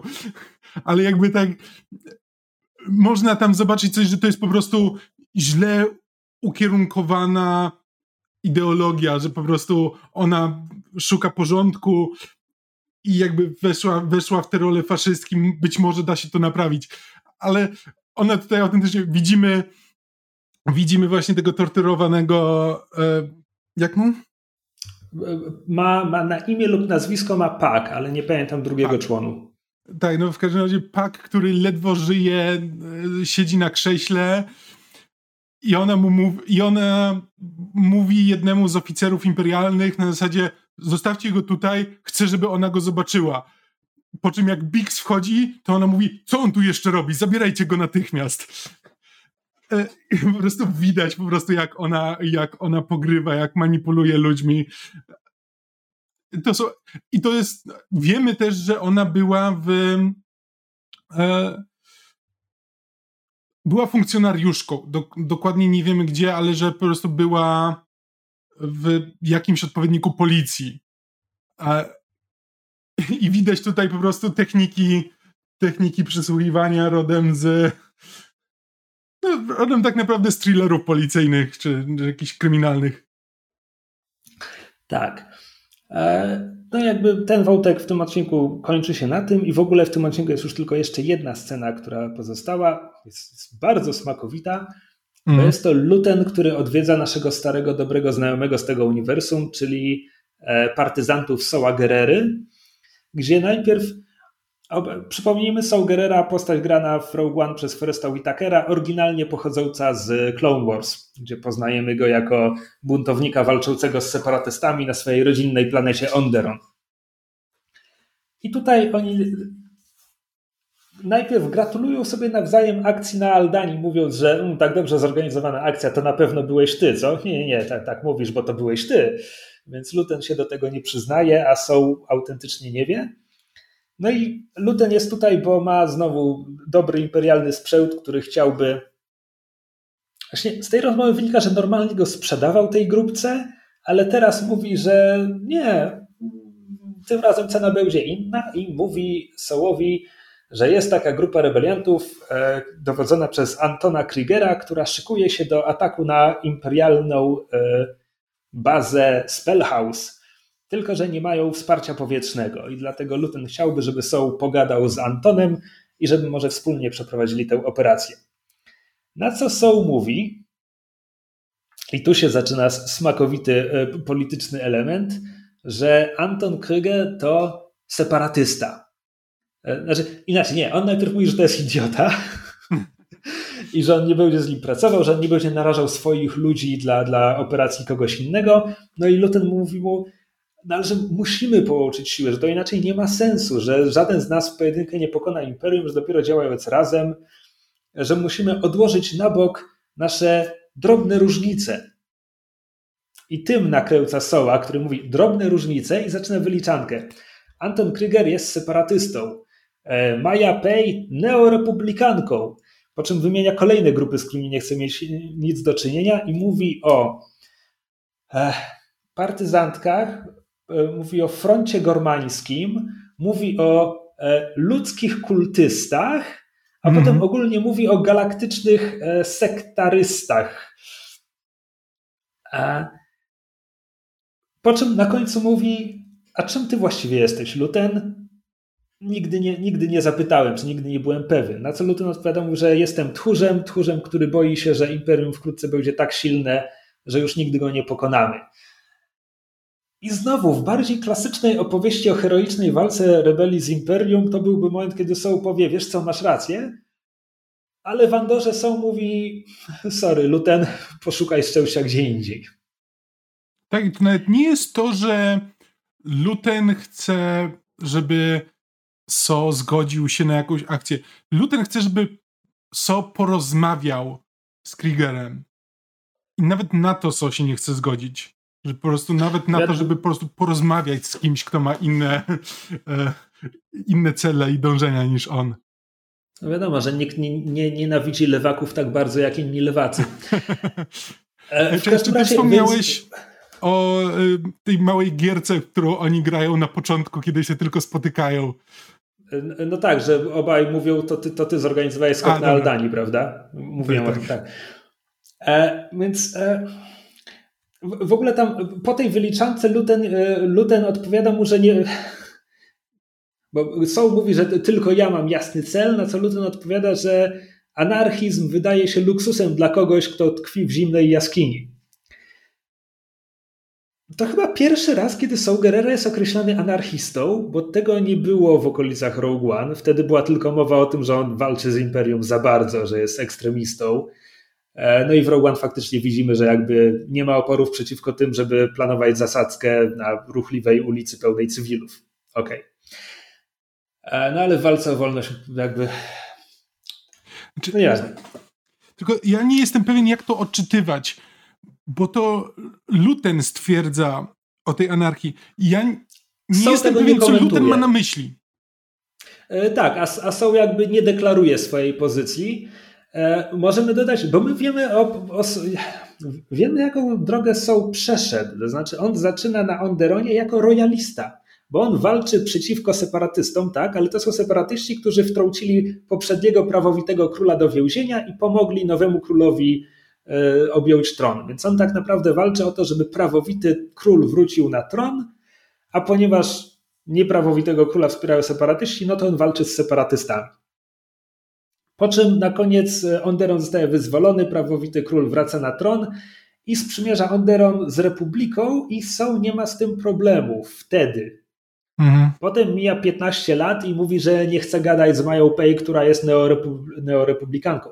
Oczywiście nie mamy definicji żadnej z tych e, pozycji politycznych, które są tutaj wymienione w tej wyliczance, ale neorepublikanizm oznacza chyba walkę o to, żeby była jakaś nowa republika, co mówi nam, że ten nurt wygrał w rebelii, bo kiedy już powstaje Sojusz Rebeliantów, to jego pełna nazwa to Sojusz Rebeliantów na rzecz odnowy republiki. Mhm. Po czym powstaje nowa republika, która natychmiast upada, bo Motma nie jest w stanie jej utrzymać w całości, nie jest w stanie zbudować organizmu politycznego, który byłby w stanie obronić się przed e, najwyższym porządkiem. Więc być może Saul Gerrera miał rację w wielu punktach. Tak, a przy tym mi też chodzi o to, że nie możemy być pewni, co Luten ma na myśli, mówiąc, że jakby ta anarchia jest luksusem dla kogoś, kto mieszka w zimnej jaskini, bo to nie znaczy, że on nazywa Soła anarchistą. Nawet gdyby nazwał, to jest popularna definicja anarchii, jest anarchizm, gdzie jakby bardzo ludzie, bardzo często po prostu ludzie mówiąc o anarchii mają na myśli, że okej, okay, że ktoś nie chce, żeby istniały prawa czy jakakolwiek organizacja, podczas gdy anarchizm jakby jest zbudowany trochę na czym innym. Jakby to, co ludzie mówią o anarchii, tak naprawdę jest bliżej jakiegoś libertarianizmu. E, więc trudno stwierdzić, czy So jest anarchistą, czy po prostu walczy o coś, czego inni nie rozumieją zupełnie, więc po prostu nazywają to bezprawiem? Znaczy, znowu, no, jego wcześniejsze wy wystąpienia w no, kanonicznie późniejszych wydarzeniach, Boże, e, czyli Rogue One i, i Rebels, mówią nam, że on jest, on potem jest po prostu tym, on będzie członkiem Sojuszu Rebeliantów, potem znowu się od niego odłączy, żeby dalej walczyć z Imperium na własną rękę, ale to nie jest tak, że on ma jakieś zasadniczo inne cele. Nadrzędnym celem jest dla niego pokonanie Imperium wciąż. No więc, jak mówię, jest, jest to smakowita rozmowa, bo ona. Rogue One pokazało nam, że Sojusz Rebeliantów, że jest w nim wiele głosów i on nie jest spójny co do tego, jak powinni działać. E, w Rogue One wręcz to tak naprawdę flota, flota trochę wbrew rozkazom do, dowództwa politycznego działa i leci na Scarif i potem tylko Mon Mothma jakby, jakby to powiedzieć, e, że tak powiem, po fakcie da, akceptuje rozwój wydarzeń, coś takiego. Co wydaje się jakby w, ty, w tym momencie wydaje się być standardową pozycją Mon Mothmy. Prawda? Po prostu jest, jest tą przywódczynią rebelii, która jest po prostu wrzucana w kolejne rzeczy i tylko musi udawać po fakcie, że się na to zgodziła. Tak, no jakby mieliśmy pokazywane od choćby w Rebeliantach, serialu animowanym, że właśnie rebelia powstaje z tych mniejszych grupek, które w końcu się łączą ze sobą, ale Andor jest chyba pierwszym, który mówi otwarcie, tak, to są różne mniejsze grupki o różnych poglądach, różnych celach, jakby są powody, dla którego zebranie Sojuszu Rebeliantów tyle trwało, zanim do niego ostatecznie doszło. Dobra, przejdźmy do drugiego odcinka i przyspieszmy z tym trochę.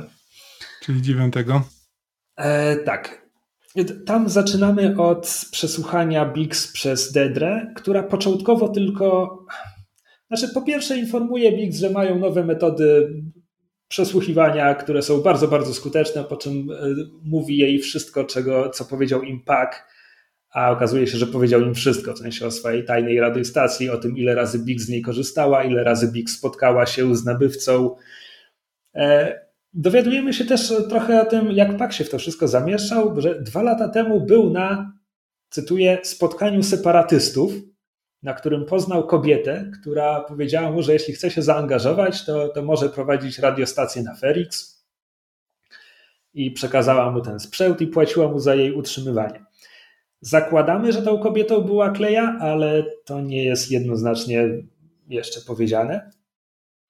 Ale znowu, spotkanie separatystów, czyli 15 lat po, po przegranej wojnie klonów, separatyzm wciąż istnieje jako jakaś myśl polityczna w tej, w tej galaktyce. I znowu, w momencie, gdy e, Anakin, czy wtedy już Vader, wyżyna cały wewnętrzny krok separatystów, chowa tym, znaczy zabija świadków tego, że separatyści byli sterowani przez Palpatina, więc tak naprawdę to, co zostaje, to jest nieudany zryw niepodległościowy. Mhm. No a przy tym. To, to, to, to, się potem. Potem trzeba jakby zapomnieć o tym, jak serial dla dzieci, jakim jednak są Clone Warsy przez większość swojego trwania, pokazywał, jak bardzo kreskówkowo źli są separatyści. Mhm. Jestem. Znaczy, ale tak, jeśli separatyści przetrwali po prostu jako jakaś frakcja, to też jakby łatwo sobie wyobrazić, że to jest ta frakcja, która może teraz pokazać na zasadzie hej, popatrzcie, co się stało z Republiką, mieliśmy rację od samego początku i to jest punkt wyjścia do stworzenia jakiejś nowej ideologii sprzeciwu wobec, przeciwko imperium.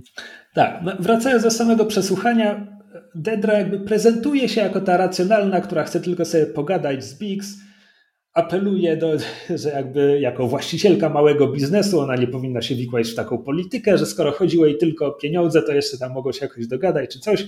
Wystarczy, że powie wszystko, co wie o Kasjanie Andorze i, i tym nabywcy. No a Bix jakby nie daje się zwieść i mówi tylko, że cokolwiek powiem i tak będziesz mnie torturować, bo, bo nie uwierzysz, nieważne co ci powiem. Mhm. A Dedra, z której jak mówisz, jakby wszystkie maski opadają w tym odcinku, Dedra mówi, w sumie to chyba masz rację. Po czym w następnej scenie e, nowy asystent Dedry, dr Gornt, e, zaczyna procedurę. Może Gorst. I najpierw zafascynowany tym, tym, tym trivia, którym dzieli się z Biggs, tłumaczy jej, że wszystko zaczęło się na odległej planecie na zewnętrznych rubieżach, gdzie lokalny w miarę inteligentny gatunek e, przeszkadzał w naszej działalności, w związku z czym podjął to decyzję o jego eksterminacji. E, posterunek nasłuchowy monitorował tę procedurę, żeby upewnić się, że wszystko przebiegło e, jak należy. I technicy, którzy odsłuchiwali taśmy, zapadli w katatonie. Zainteresowało to nas, zbadaliśmy sprawę. Okazuje się, że tamten wymarły już gatunek, umierając, wydaje z siebie żałobny trel, który ma niezwykły efekt na psychikę. Samplowaliśmy go, wydobyliśmy odpowiednie bity, zapełtliliśmy. Korzystamy przede wszystkim z głosów dzieci, co ma dodatkowy efekt. To jest najbardziej kreskówkowy złol, jaki dotąd był w Andorze, Aha. ale jest przy tym. Właśnie, czy to jest. Znaczy, to nawet nie jest kreskówkowy złol, to jest, to jest yy, nazistowski naukowiec, który, mhm. który tłumaczy więźniowi, w jaki sposób przysłuży się nauce, jak teraz zrobi mu to i owo. E, bo też scena nie jest nakręcona kreskówkowo. W sensie, kiedy, kiedy on nakłada Bix te słuchawki na głowę i kamera robi zbliżenie na jej oczy i my nie słyszymy tego, co ona słyszy przez te słuchawki i tylko widzimy jej oczy, nie ma w tym nic kreskówkowego, jest to przerażające. Mhm. A przy tym sam Gorst nie jest też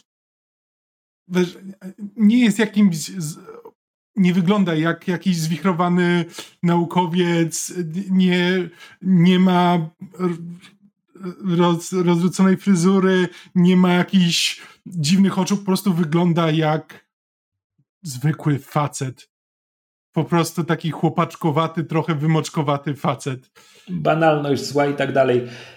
Skoro łowię easter eggi w tym serialu, Uwierzcie mm. lub nie, to jest moment, gdy Andor decyduje się na easter egg, bo kiedy Bix krzyczy, ktoś tam zamyka drzwi tej celi i kamera wykonuje ruch. Widzimy zamykające się drzwi, kamera kieruje się na podłogę, po czym robi e, szwęk w bok, tak żeby z powrotem skierować się w górę za, za e, obutymi e, nogami przechodzącego żołnierza.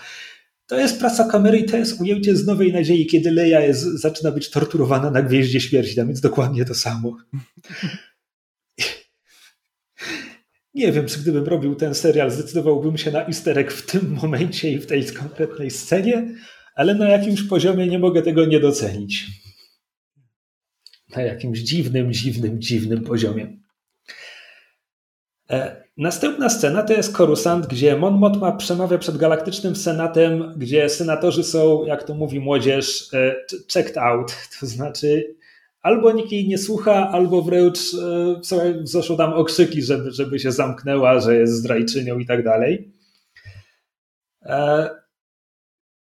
Po czym Mon Mothma jakby pokonana odlatuje z tą swoją limuzyną i kierowca jej mówi, że w rezydencji czeka, czeka pani kuzynka właśnie, właśnie przybyła. E, po czym przenosimy się w kolejnej scenie do apartamentów Mon Motmy, gdzie kto może być kuzynką Mon Motmy? Szczerze mówiąc, do momentu, gdy nie pojawiła się na ekranie, ja wciąż się nie mhm. spodziewałem, że Wel, pełne nazwisko Wel Szerna bodajże, jest kuzynką Mon Motmy i nawet nie do końca wiadomo, który z nich, która wciągnęła drugą do rebelii. E, mamy tutaj krótką rozmowę, gdzie e, Motma próbuje, próbuje od niej wyciągnąć, co właściwie nienazwany on każe jej robić. Wel natychmiast przerywa ten wątek, mówiąc, jaki on? Nie wiem, o kim mówisz. E, no i okazuje się, że Wel spełdzi trochę czasu na korusant. Motma zresztą prosi ją, żeby przez jakiś czas poudawała rozpuszczoną, bogatą arystokratkę, E, no bo to jest ten jej bezpieczny kamuflaż i że ona nie może tak znikać e, na, na długie miesiące, a jak wiemy spełdziła pół roku na Aldani dopiero co, e, no bo ludzie zaczną, zaczną coś podejrzewać. E... Tak. Pomijając trochę. Dobra, już trzymając, trzymając się motmy, mm, ona ma jeszcze taką złość kolej, kolejną rodzin, kolejny rodzinny posiłek w domu Motmów, gdzie Perin e, jest e, straszny nie tylko dla swojej żony, ale też pyta, pyta Wel, czy to już nie pora, żeby znalazła sobie męża, bo jeszcze trochę zostaną jej sami wdowcy. E, na co Wel, patrząc mu prosto w oczy, odpowiada: No tak, wszyscy najlepsi są już zajęci. Widać też, że ona ma ma fajną relację, relację z córką Motmy, bo kupiła jej kieckę imprezową. Mm. I, I, widać, że jakby nie, Leda nie ma, nie ma z kim tak porozmawiać jak z Wel w tym domu. Więc no, to jest jakaś kolejna warstwa tych, tych pokręconych relacji w tej głęboko nieszczęśliwej rodzinie. I żeby zostać już w apartamencie Motmy, mamy tu jeszcze jedną scenę, gdy Motmy odwiedza Tej, który mówi, że przejrzał jej finanse no i, że jest problem, że jest tam 200 tysięcy kredytów, które Motma wyciągnęła, nie wiadomo po co, nie wiadomo co się z nimi stało i że ktokolwiek, ktokolwiek się temu przyjrzy, że on nie jest w stanie tego ukryć w żaden sposób. Jedyny sposób jest taki, że no, te pieniądze muszą się zmaterializować. Trzeba je znowu wpłacić na konto. I myślałem, że to doprowadzi do tego, że Motma będzie musiała prosić Lutena o pożyczkę, ale okazuje mhm. się, że tej przyszedł do niej już z rozwiązaniem. Jego rozwiązaniem jest Davos Coldon. Szanowany biznesmen z Chandrilli, ogromny cudzysłów przy szanowany biznesmen. E, Davos, chyba nie Davos. Co? On się chyba Davo, nie Davos nazywa. Powiedział... ci gra o tron weszła. Davos Calden. Ma Skalden na nazwisko, stąd to S. A! Tak, sorry. Właśnie. Źle usłyszałem. No, słowo nie pada, ale ewidentnie jest to jakiś chandrilański mafiozo e, i Motma mówi absolutnie nie, nie chcę mieć z nim nic do czynienia, a potem jeszcze słyszę, że e, tej jej mówi, że, że Dawo chciałby odwiedzić ją tutaj, gościć w jej apartamencie. Więc Motma ta przyszła przywódczyni e, rebelii walczącej z imperium na hasło przestępca w moim domu? Mm. Absolutnie nie. Więc Absolutnie właśnie jest... to chyba tej, tej chyba jej to mówi, że zasadniczo będzie po prostu wyglądała na kolejną hipokrytyczną senatorkę, która z jednej strony e, tutaj walczy o cele charytatywne, a z drugiej ma relacje z gangsterami i szuka pieniędzy tam, gdzie może na własne potrzeby. Tak. E, no jakby ten wątek kończy się tym, że Motma mówi, że jakby akceptuje, że skoro nie ma innego wyjścia, no to przynajmniej się z tym Davo spotka i, i zobaczymy. I to jest apartament Motmów, koniec tego wątku w tym odcinku. Jest jeszcze tylko jeden wątek, który trzeba poruszyć. Jest to, że tak powiem, e, drugoplanowy wątek Imperialnej Służby Bezpieczeństwa, bo mamy kolejną odprawę z Partagazem, e, na której okazuje się, że kompletnym przypadkiem w imperialne ręce trafił pilot z rebelianckiej komórki Antona Krygera. Został błyskawicznie przesłuchany metodami doktora Gorsta. Więc ISB wie o planowanym ataku na Spellhouse. I tutaj Dedra znowu się wykazuje, mówiąc, że jakby Kryger nie może nic podejrzewać, w związku z czym e, sugeruje, żeby pilota, który w tym momencie wciąż żyje w imperialnej celi, żeby go zabić, e, włożyć z powrotem do statku, upozorować wypadek, żeby ludzie Krygera jakby znaleźli go, że w ten sposób przypadkowa śmierć ma wyjaśnić, czemu, czemu pilot zniknął i tak dalej, żeby być może uda się ich, ich nie spłoszyć, żeby potem zlikwidować całą komórkę. I ten wątek będzie kontynuowany dalej, a w tym odcinku, wychodząc z siedziby ISB, mamy jeszcze jedną przerażającą, przerażającą scenę. Znaczy, zanim do tego, najpierw mamy Cyrilla Karna w, w swoim domu. E, masz rację. Najpierw jest scena w domu, domu rodzinnym Karnów, gdzie matka wyrzuca Cyrillowi, że w ogóle go nie widuje, że jest obcy, obcy w obcym domu, E, że, że chciała mieć syna, a ma, a ma tylko lokatora. E, no taka straszna agresja emocjonalna, szantaż i... Tak, a jeszcze w dodatku podsumowuje to słowami jaki jest zwrot z mojej inwestycji. Tak. I po prostu to mówi wszystko o relacji Cyrila z jego matką. Tak, no tam, tam wcześniej on jej zarzuca, że jakby przeszukiwała jego pokój, kiedy ona tłumaczy to sprzątaniem, to on mówi, że włamała się do jego skrytki. E, tak, no i potem ostatecznie Cyril wygrywa tę rozmowę, tłumaczył, że dostał awans w pracy i dlatego teraz ma tak mało czasu. E, ja w ogóle myślałem, że on że on oszukuje w tym momencie matkę, że on po prostu mówi jej coś, żeby ona się od niego odczepiła, a przy tym, żeby miał wymówkę, czemu zostaje po godzinach. Tak, bo w następnej scenie, kiedy go widzimy, wystaje przed siedzibą ISB i ewidentnie czeka, aż Dedra wyjdzie. I mm. ewidentnie przychodzi tu już od jakiegoś czasu i dlatego jakby tak mało jest go w domu. A jednocześnie, kiedy... Mi po prostu rozwala, że myśmy na początku rozmawiali, że właśnie rozważali różne opcje, w jaki sposób e, losy Dedry i Karna się splotą, żeby oni jakoś współpracowali razem, czy co się stanie.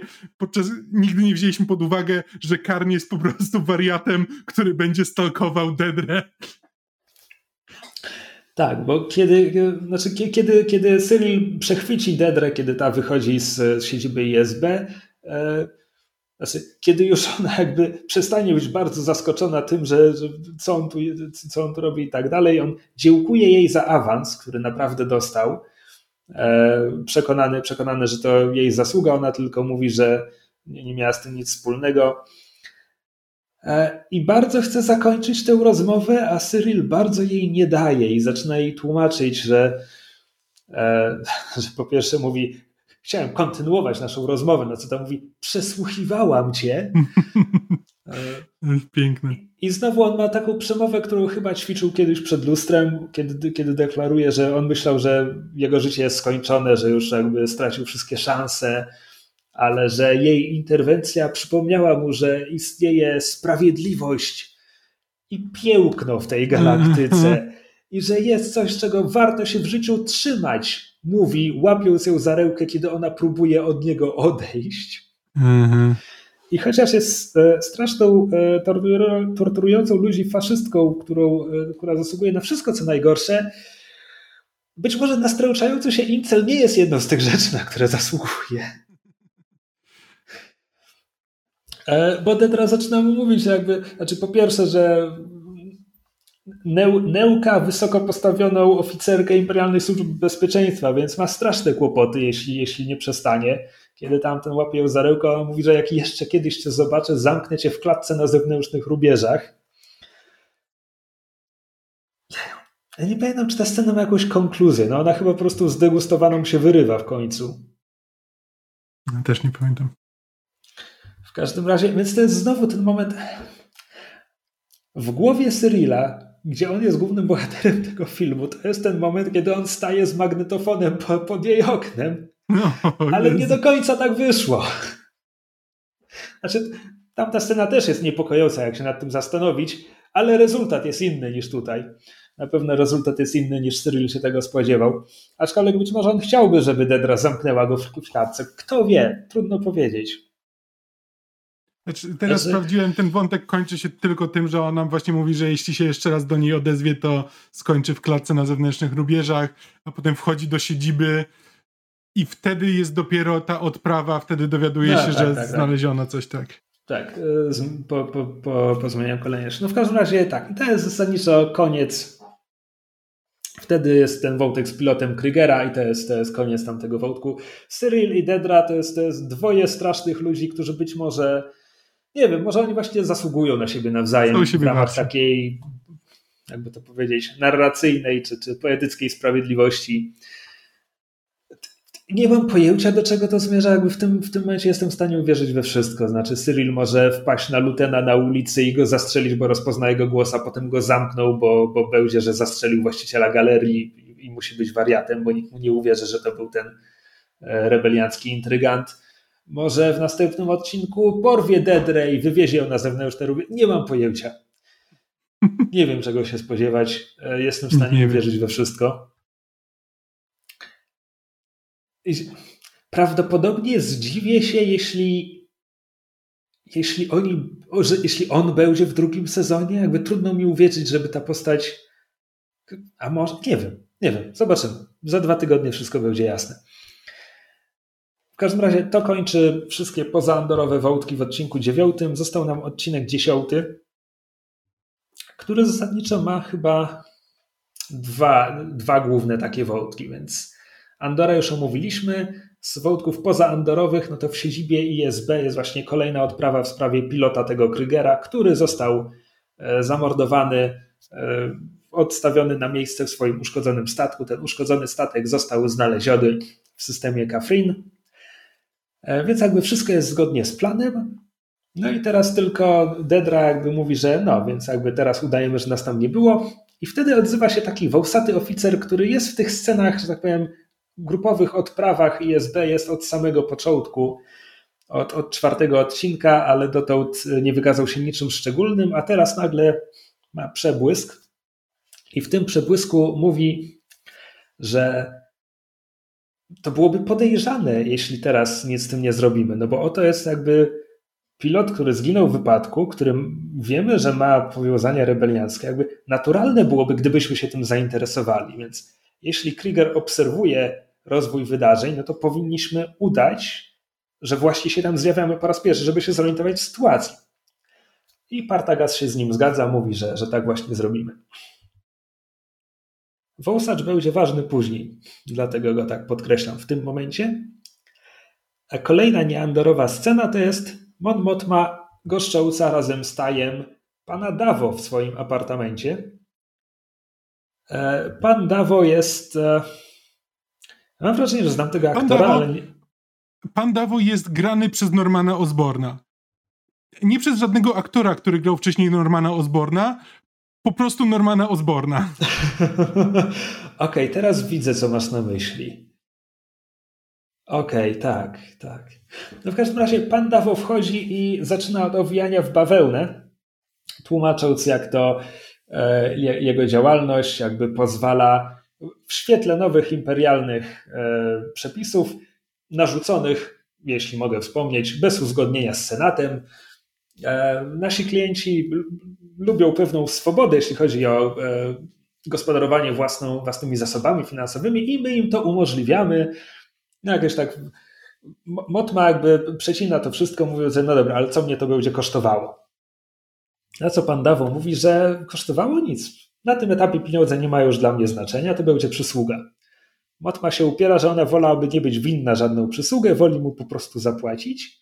Na co Dawo ma, ona mówi, czułabym się niezręcznie, będąc winna przysługę i że chciałaby zapłacić, na co Dawo odpowiada, że być może odrobina takiego dyskomfortu to będzie właśnie cena za tę mm -hmm. przysługę. Po czym mówi, że chciałby jeszcze kiedyś tutaj wrócić. Motma mówi, okej, okay, da się to załatwić. Mam 14-letniego syna, chciałbym go tutaj wziąć ze sobą. I w tym momencie Motma jest e, właściwie to przerażona, bo ona jest przekonana, że e, Dawo chce, e, Dawo chce, żeby ten, ten syn został narzeczonym jej córki. I mówi, że jest to absolutnie wykluczone, a Dawo tłum... w zasadzie o to mu chodzi, ale tłumaczy to tylko nie, nie chce, tylko żeby się ze sobą poznali. Dwoje młodych, uprzywilejowanych ludzi, w wieku z ostatnich dwóch odcinków wiemy, że tradycyjne szandrylańskie małżeństwa są po pierwsze aranżowane, po drugie dochodzi do nich właśnie w okresie nastoletnim, kiedy ludzie mają tak po 15-16 lat. Dowiedzieliśmy się właśnie z poprzedniego odcinka, że Motma i Perin e, są małżeństwem, odkąd skończyli 16 lat. Co wiele tłumaczy, jeśli chodzi o ten związek. Więc o ile Dawo mówi, że chciałby tylko, żeby młodzi się poznali, no to zasadniczo chodzi mu o to, że, że chciałby wydać swojego syna za, za córkę Motmy. Motma mówi absolutnie wykluczone, nie będę tego nawet rozważać. I Dawo na odchodne mówi, to pierwsze kłamstwo, które mi tu powiedziałaś. Mhm. Znaczy, to jest. Znaczy, to jest o tyle interesujące, że Mon Motma jest w tym momencie w sytuacji trochę bez wyjścia, bo już się odsłoniła przed tym człowiekiem. Jakby niezależnie od tego, czy skorzysta z jego usług, czy nie, on wie, że ona potrzebuje jego usług. Więc on kwity na nią już ma w tym momencie, niezależnie od tego, czy ona skorzysta z tej oferty, czy nie. Masz rację. Ciekawe. Mam wrażenie, że Tejo trochę wsadził na minę w ten, w ten sposób, bo jakby bo to wszystko powinno być załatwiane przez pośredników. To, że jakby on się spotyka bezpośrednio z Mon Motmą, znaczy, znaczy Tej on, był by, on by inaczej tego nie załatwił. Co za?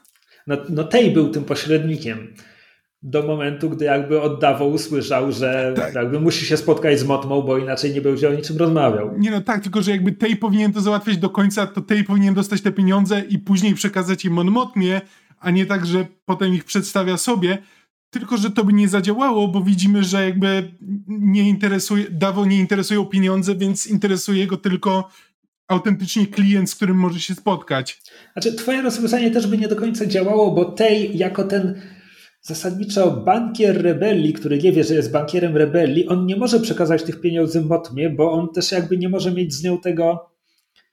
On też nie może mieć tej podejrzanej transakcji na swoim koncie. Tak mi się mhm. wydaje przynajmniej. W każdym razie Motma jest, jest pod ścianą, no i ten wątek nie znajduje konkluzji w, w tym pakiecie odcinków. A w tym odcinku tak naprawdę mamy jeszcze tylko jeden wątek poza, poza wydarzeniami z więzienia. Najpierw jest to krótka scena, gdy Kleja wchodzi do galerii i informuje Lutena, że na fontannie był znak. Dodajmy, że kiedy spotykała się z Wel trzy odcinki temu, to też widzieliśmy, że podąża za znakami wymalowanymi kredą na, na ścianach czy podłogach. No i mówi, że poszła za znakiem, potem był kolejny symbol, a potem był jeszcze inny umówiony sygnał i że on prosi o spotkanie. Na co Luton odpowiada, no, że już minął rok od poprzedniego, w sumie to dziwne, że nie chciał się spotkać wcześniej. No dobra, załatwię to. I potem mamy całą ucieczkę z więzienia i jakby możemy wręcz zapomnieć o tym, że taka scena była. Gdyby znaczy nie jeszcze, to, że... Bo Kleja próbuje go przekonać, że to ona powinna pójść tam zamiast Lutena. I jakby, że to nie, Kleja przekonuje go, że to nie jest dobry pomysł, wyślij mnie, a jakby Luten nalega, że on chce pójść tam samemu, co moim zdaniem będzie o tyle ważne, że Dobra, bo jeszcze nie powiedzieliśmy o kogo chodzi. Dobra, wróćmy do tego później. Znaczy, możemy wrócić do tego teraz, bo jak mówiłem, potem jest jakby 20 minut w więzieniu i na końcu odcinka wracamy do tego wątku i to jest po prostu tyle. Ten, ten, ten odcinek no. nie, nie mieszał wielu wątków. E, a o co chodzi? Bo dowiadujemy się z pierwszej sceny, gdy widzimy bohatera, który zjeżdża do tych niżej położonych poziomów Korusant, bo jest to wąsacz z Imperialnego Biura Bezpieczeństwa. E, Loni, jak się nazywa okazuje się, i tutaj jest ten moment, kiedy parę odcinków temu Andora i naszego podcastu ja powiedziałem, że nie rozumiem, czemu Luten słucha wiadomości ze swojej tajnej radiostacji. On nie słuchał postanowień tych, tych no, nowych przepisów bezpieczeństwa, on nie słuchał tego z wiadomości, on podsłuchiwał naradę ISB. Mhm. Dlatego to było, to było z tajnej radiostacji, a podsłuchiwał, bo Loni jest jego wtyką.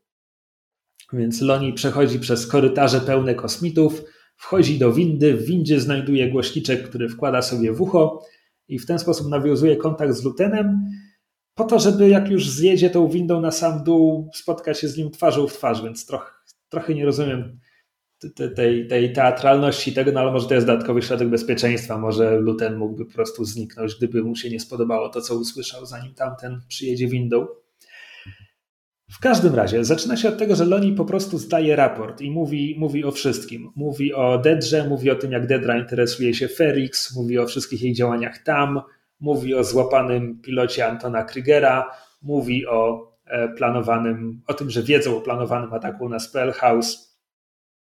E, mówi też, że Dedra właśnie przeszukuje Ferix, bo żeby powiązać te, tego nabywcę z Ferix z Aldani i tutaj jest ten ciekawy moment, gdy znowu widzimy, jak działa Luten, bo Luten mówi świetnie, zachęca ją do tego. Ale jak to? No bo to strata czasu. Na co Loni mówi, czyli, czyli Aldani to nie ty, a Luten kłamie mu w żywe oczy, mówiąc, zaproszono nas do współudziału, ale tamta grupa jakby za dużo, za dużo powierzała szczęściu, my tak nie działamy, więc nie zrobiliśmy tego. Więc okłamuje go w żywe oczy, no ale to dobrze, w konspiracji im lepiej każdy, im mniej każdy wie, tym lepiej. E, no po czym, po czym Luten mówi, no dobra, ale zdałeś mi te wszystkie raporty, to na pewno nie jest powód, czemu chciałeś się ze mną spotkać. I Loni w tym momencie mówi, że on już dłużej tak nie może. Że od, od tam 5 czy 6 lat e, wspina się po szczeblach w ISB, że jest tą jego wtyką, że, że został ojcem. Zresztą Luten mu wcześniej przez radio gratulował e, narodzin córki. No i że teraz, teraz, kiedy jest ojcem, jego perspektywa się zmieniła, no i że on, on się musi wycofać. Na co Luten mówi mu, bujać to my, ale nie nas, po czym deklaruje mu, że po pierwsze, to bardzo szlachetne, co robi. Po drugie, będzie bohaterem, buduje lepszy świat dla twojej córki. Po trzecie, wiem, że masz córkę i wiem, że gdzie mieszkasz. Parafrazuję. E, po czwarte, ale co właściwie powiesz ISB? Jak wytłumaczysz, że chcesz odejść? A po piąte, nie możesz odejść, bo cię potrzebujemy. A po szóste, wiem, że masz córkę i wiem, gdzie mieszkasz. Mhm. Znowu parafrazuję, ale jakby Yep. Ta rozmowa nie pozostawia żadnej wątpliwości, że chociaż Luten mówi Loniemu, że on jest bohaterem, przez to jak przysługuje się rebelii, nie ma żadnej wątpliwości, że Loni nie ma żadnego wyboru w tym momencie. Być może na początku on miał wybór, być może początkowo to nie był szantaż, teraz jest to ewidentny szantaż. I czy Loni przyjmie tę narrację, że jest bohaterem i będzie to robił w miarę dobrowolnie, czy będzie to robił dalej dlatego, że jest szantażowany przez Lutena, dla Lutena właściwie jest to obojętne. No i Loni mówi mu, że ja narażam siebie, żonę, córkę, a co ty narażasz? Co ty właściwie poświęciłeś? I tutaj mamy, Stellan Skarsgård ubiega się o Emmy, bo mamy monolog o tym, co poświęcił Luten. Ja nie wiem, czy ty się czujesz na siłach, żeby to chociaż streścić, co on tam mówi, bo nie, bo jest trochę, trochę za długie. po prostu w całości. Chcesz to tu wmontować? E, nie, nie zmierzałem do tego, po prostu autentycznie nie wiem, jak o tym mówić. Znaczy, w uproszczeniu i bardzo skracając, Luten mówi, że poświęcił jakiekolwiek pozytywne cechy charakteru, jakie posiadał, Mówił, że poświęcił swoje sumienie, mówił, że poświęcił jakiekolwiek szanse na przyjaźń, czy miłość, czy bliskie relacje z kimkolwiek. Zasadniczo poświęcił całe swoje życie sprawie. Mówi też, i to jest ciekawe, że jestem zmuszony używać narzędzi mojego wroga przeciwko niemu. I to jest, to jest o tyle ciekawe, że to sugeruje mnóstwo rzeczy, które Luten zrobił, których jeszcze, o których jeszcze nie wiemy. Mhm. Bo jakby w, w, pakiecie odcinków, w którym widzimy imperium torturujące swoich więźniów, mordujące swoich więźniów, wykorzystujące niewolniczą pracę swoich więźniów i dehumanizujące ich, powiedziałbym, że nie, Luten ma dużo, dużo, dużo czystsze ręce w porównaniu do imperium. Więc teraz no pytanie, niby... czy on sam siebie okłamuje w tej sprawie, czy my naprawdę nie wiemy o mnóstwie strasznych rzeczy, które zrobił? Znaczy, ja, ja to bardziej odczytywałem, że on mówi między innymi o tym, co w tym momencie robi Loniemu. Po prostu szantażuje go po to, żeby Loni zrobił to, co, to, co on chce. Jakby, owszem, być może jego ręce są czystsze niż Imperium, ale to są metody Imperium, to są metody SB. To jest po prostu jakby zmuszanie ludzi do współpracy poprzez wyciąganie kwitów dla, na nich.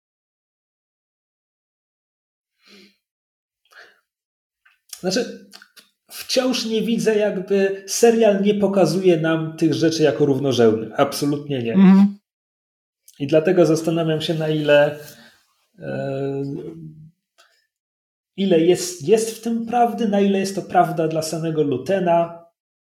Znaczy, ja to tak odczytywałem, że to jest bardziej dla, dla samego Lutena niż jakaś obiektywna prawda, że to nie jest stawianie znaku równości, no bo Andor też nie jest serialem, który by powiedział ci, że no tak, z jednej strony mamy faszystów, ale z drugiej strony medalu mamy rebeliantów, którzy idą za daleko. Jakby nie, nie, w tym serialu nie o to chodzi. To nie jest to, że Luten jest równie zły co imperialni, ale po prostu dla kogoś, kto nie ma tego instynktu sadystycznego. Owszem, znacznie drobniejsze rzeczy są już przekroczeniem pewnej moralnej granicy, która, za którą już nie bardzo możesz od tego odejść, nie możesz się z tego wycofać, jakby albo po prostu idziesz dalej i po prostu stajesz się tym, kim musisz,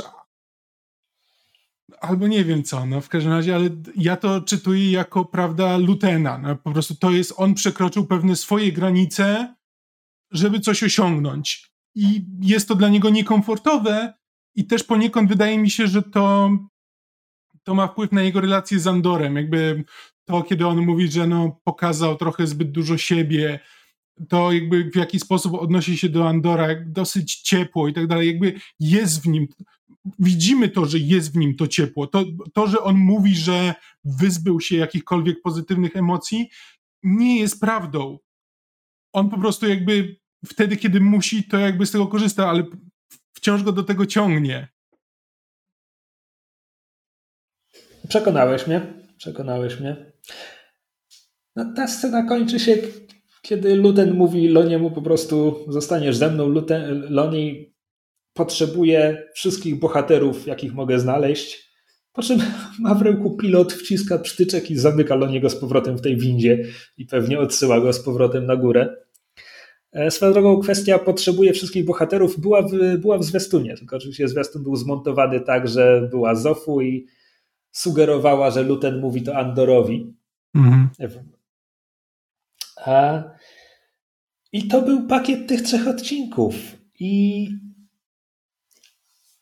jeśli, jeśli jakikolwiek wątek jest tu dla mnie choć trochę słabszy, to wskazałbym wątek Mon Motmy. Jakby mam wrażenie, że nie posunęliśmy się daleko do przodu, jeśli chodzi o jej małżeństwo, czy te jej bankowe sprawy wprowadzi, wprowadziliśmy na scenę mafioza, ok?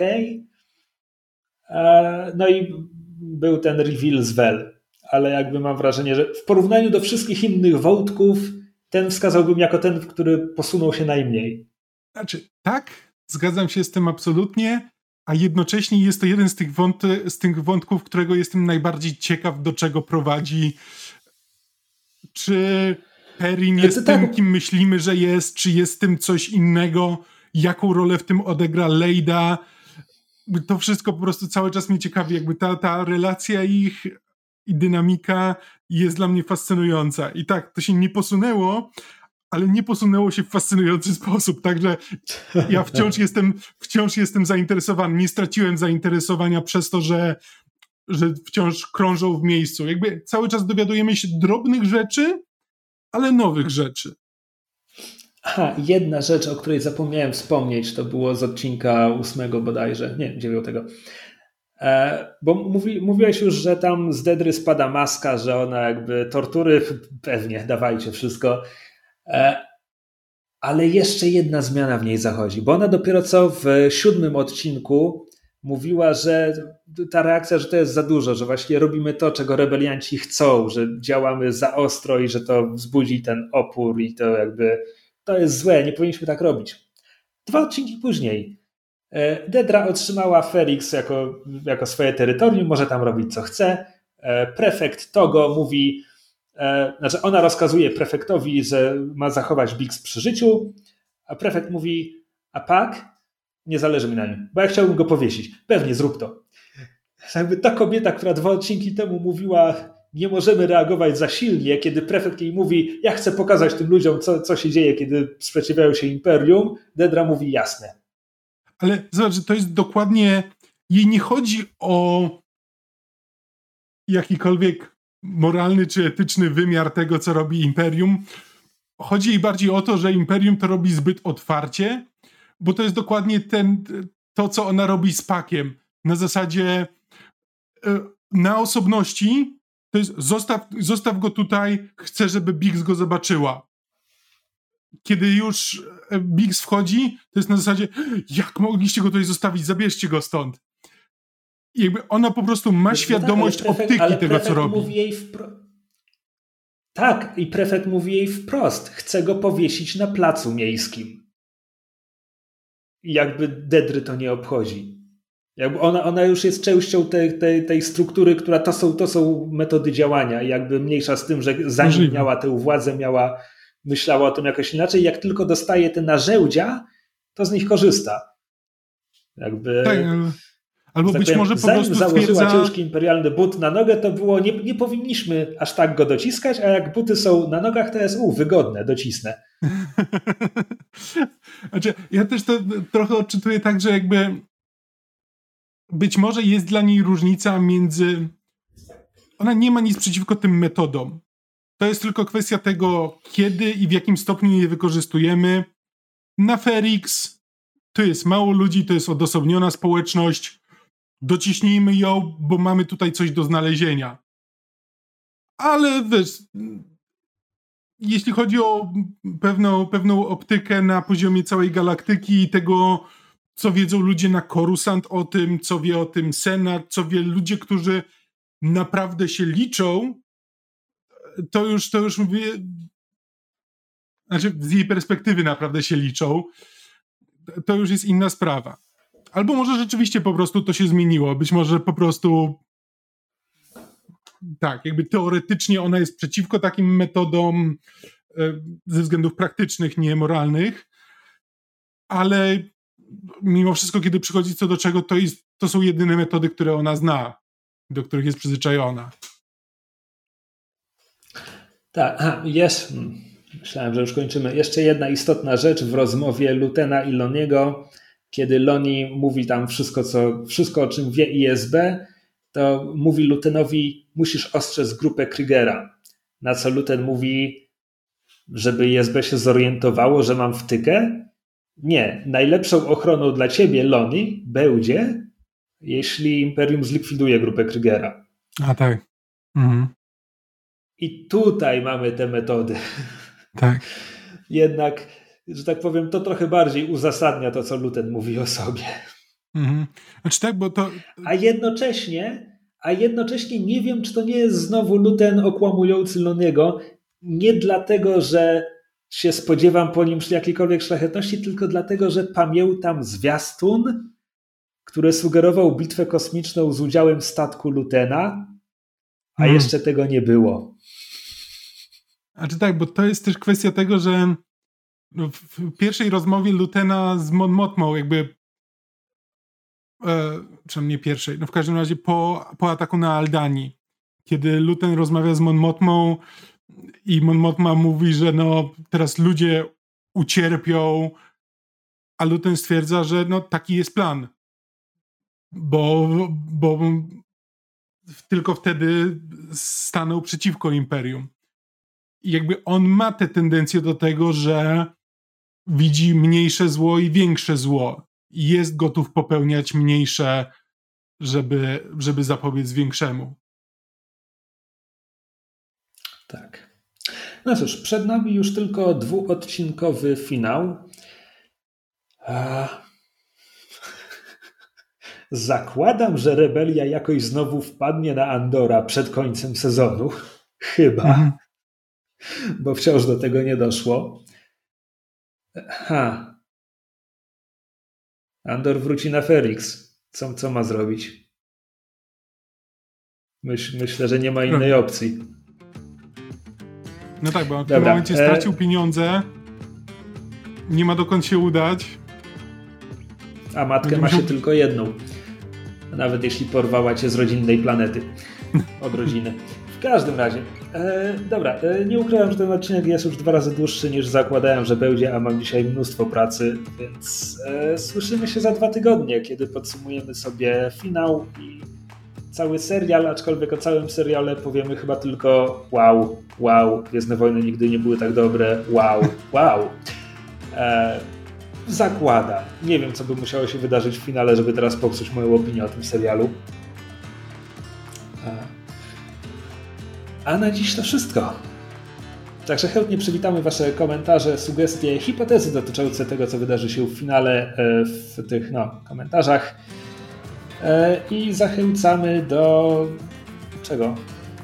Oglądajcie Andora. Naprawdę, jeśli słuchacie tego podcastu i nie obejrzeliście jeszcze Andora, doceniam, jest mi miło, ale naprawdę obejrzyjcie ten serial.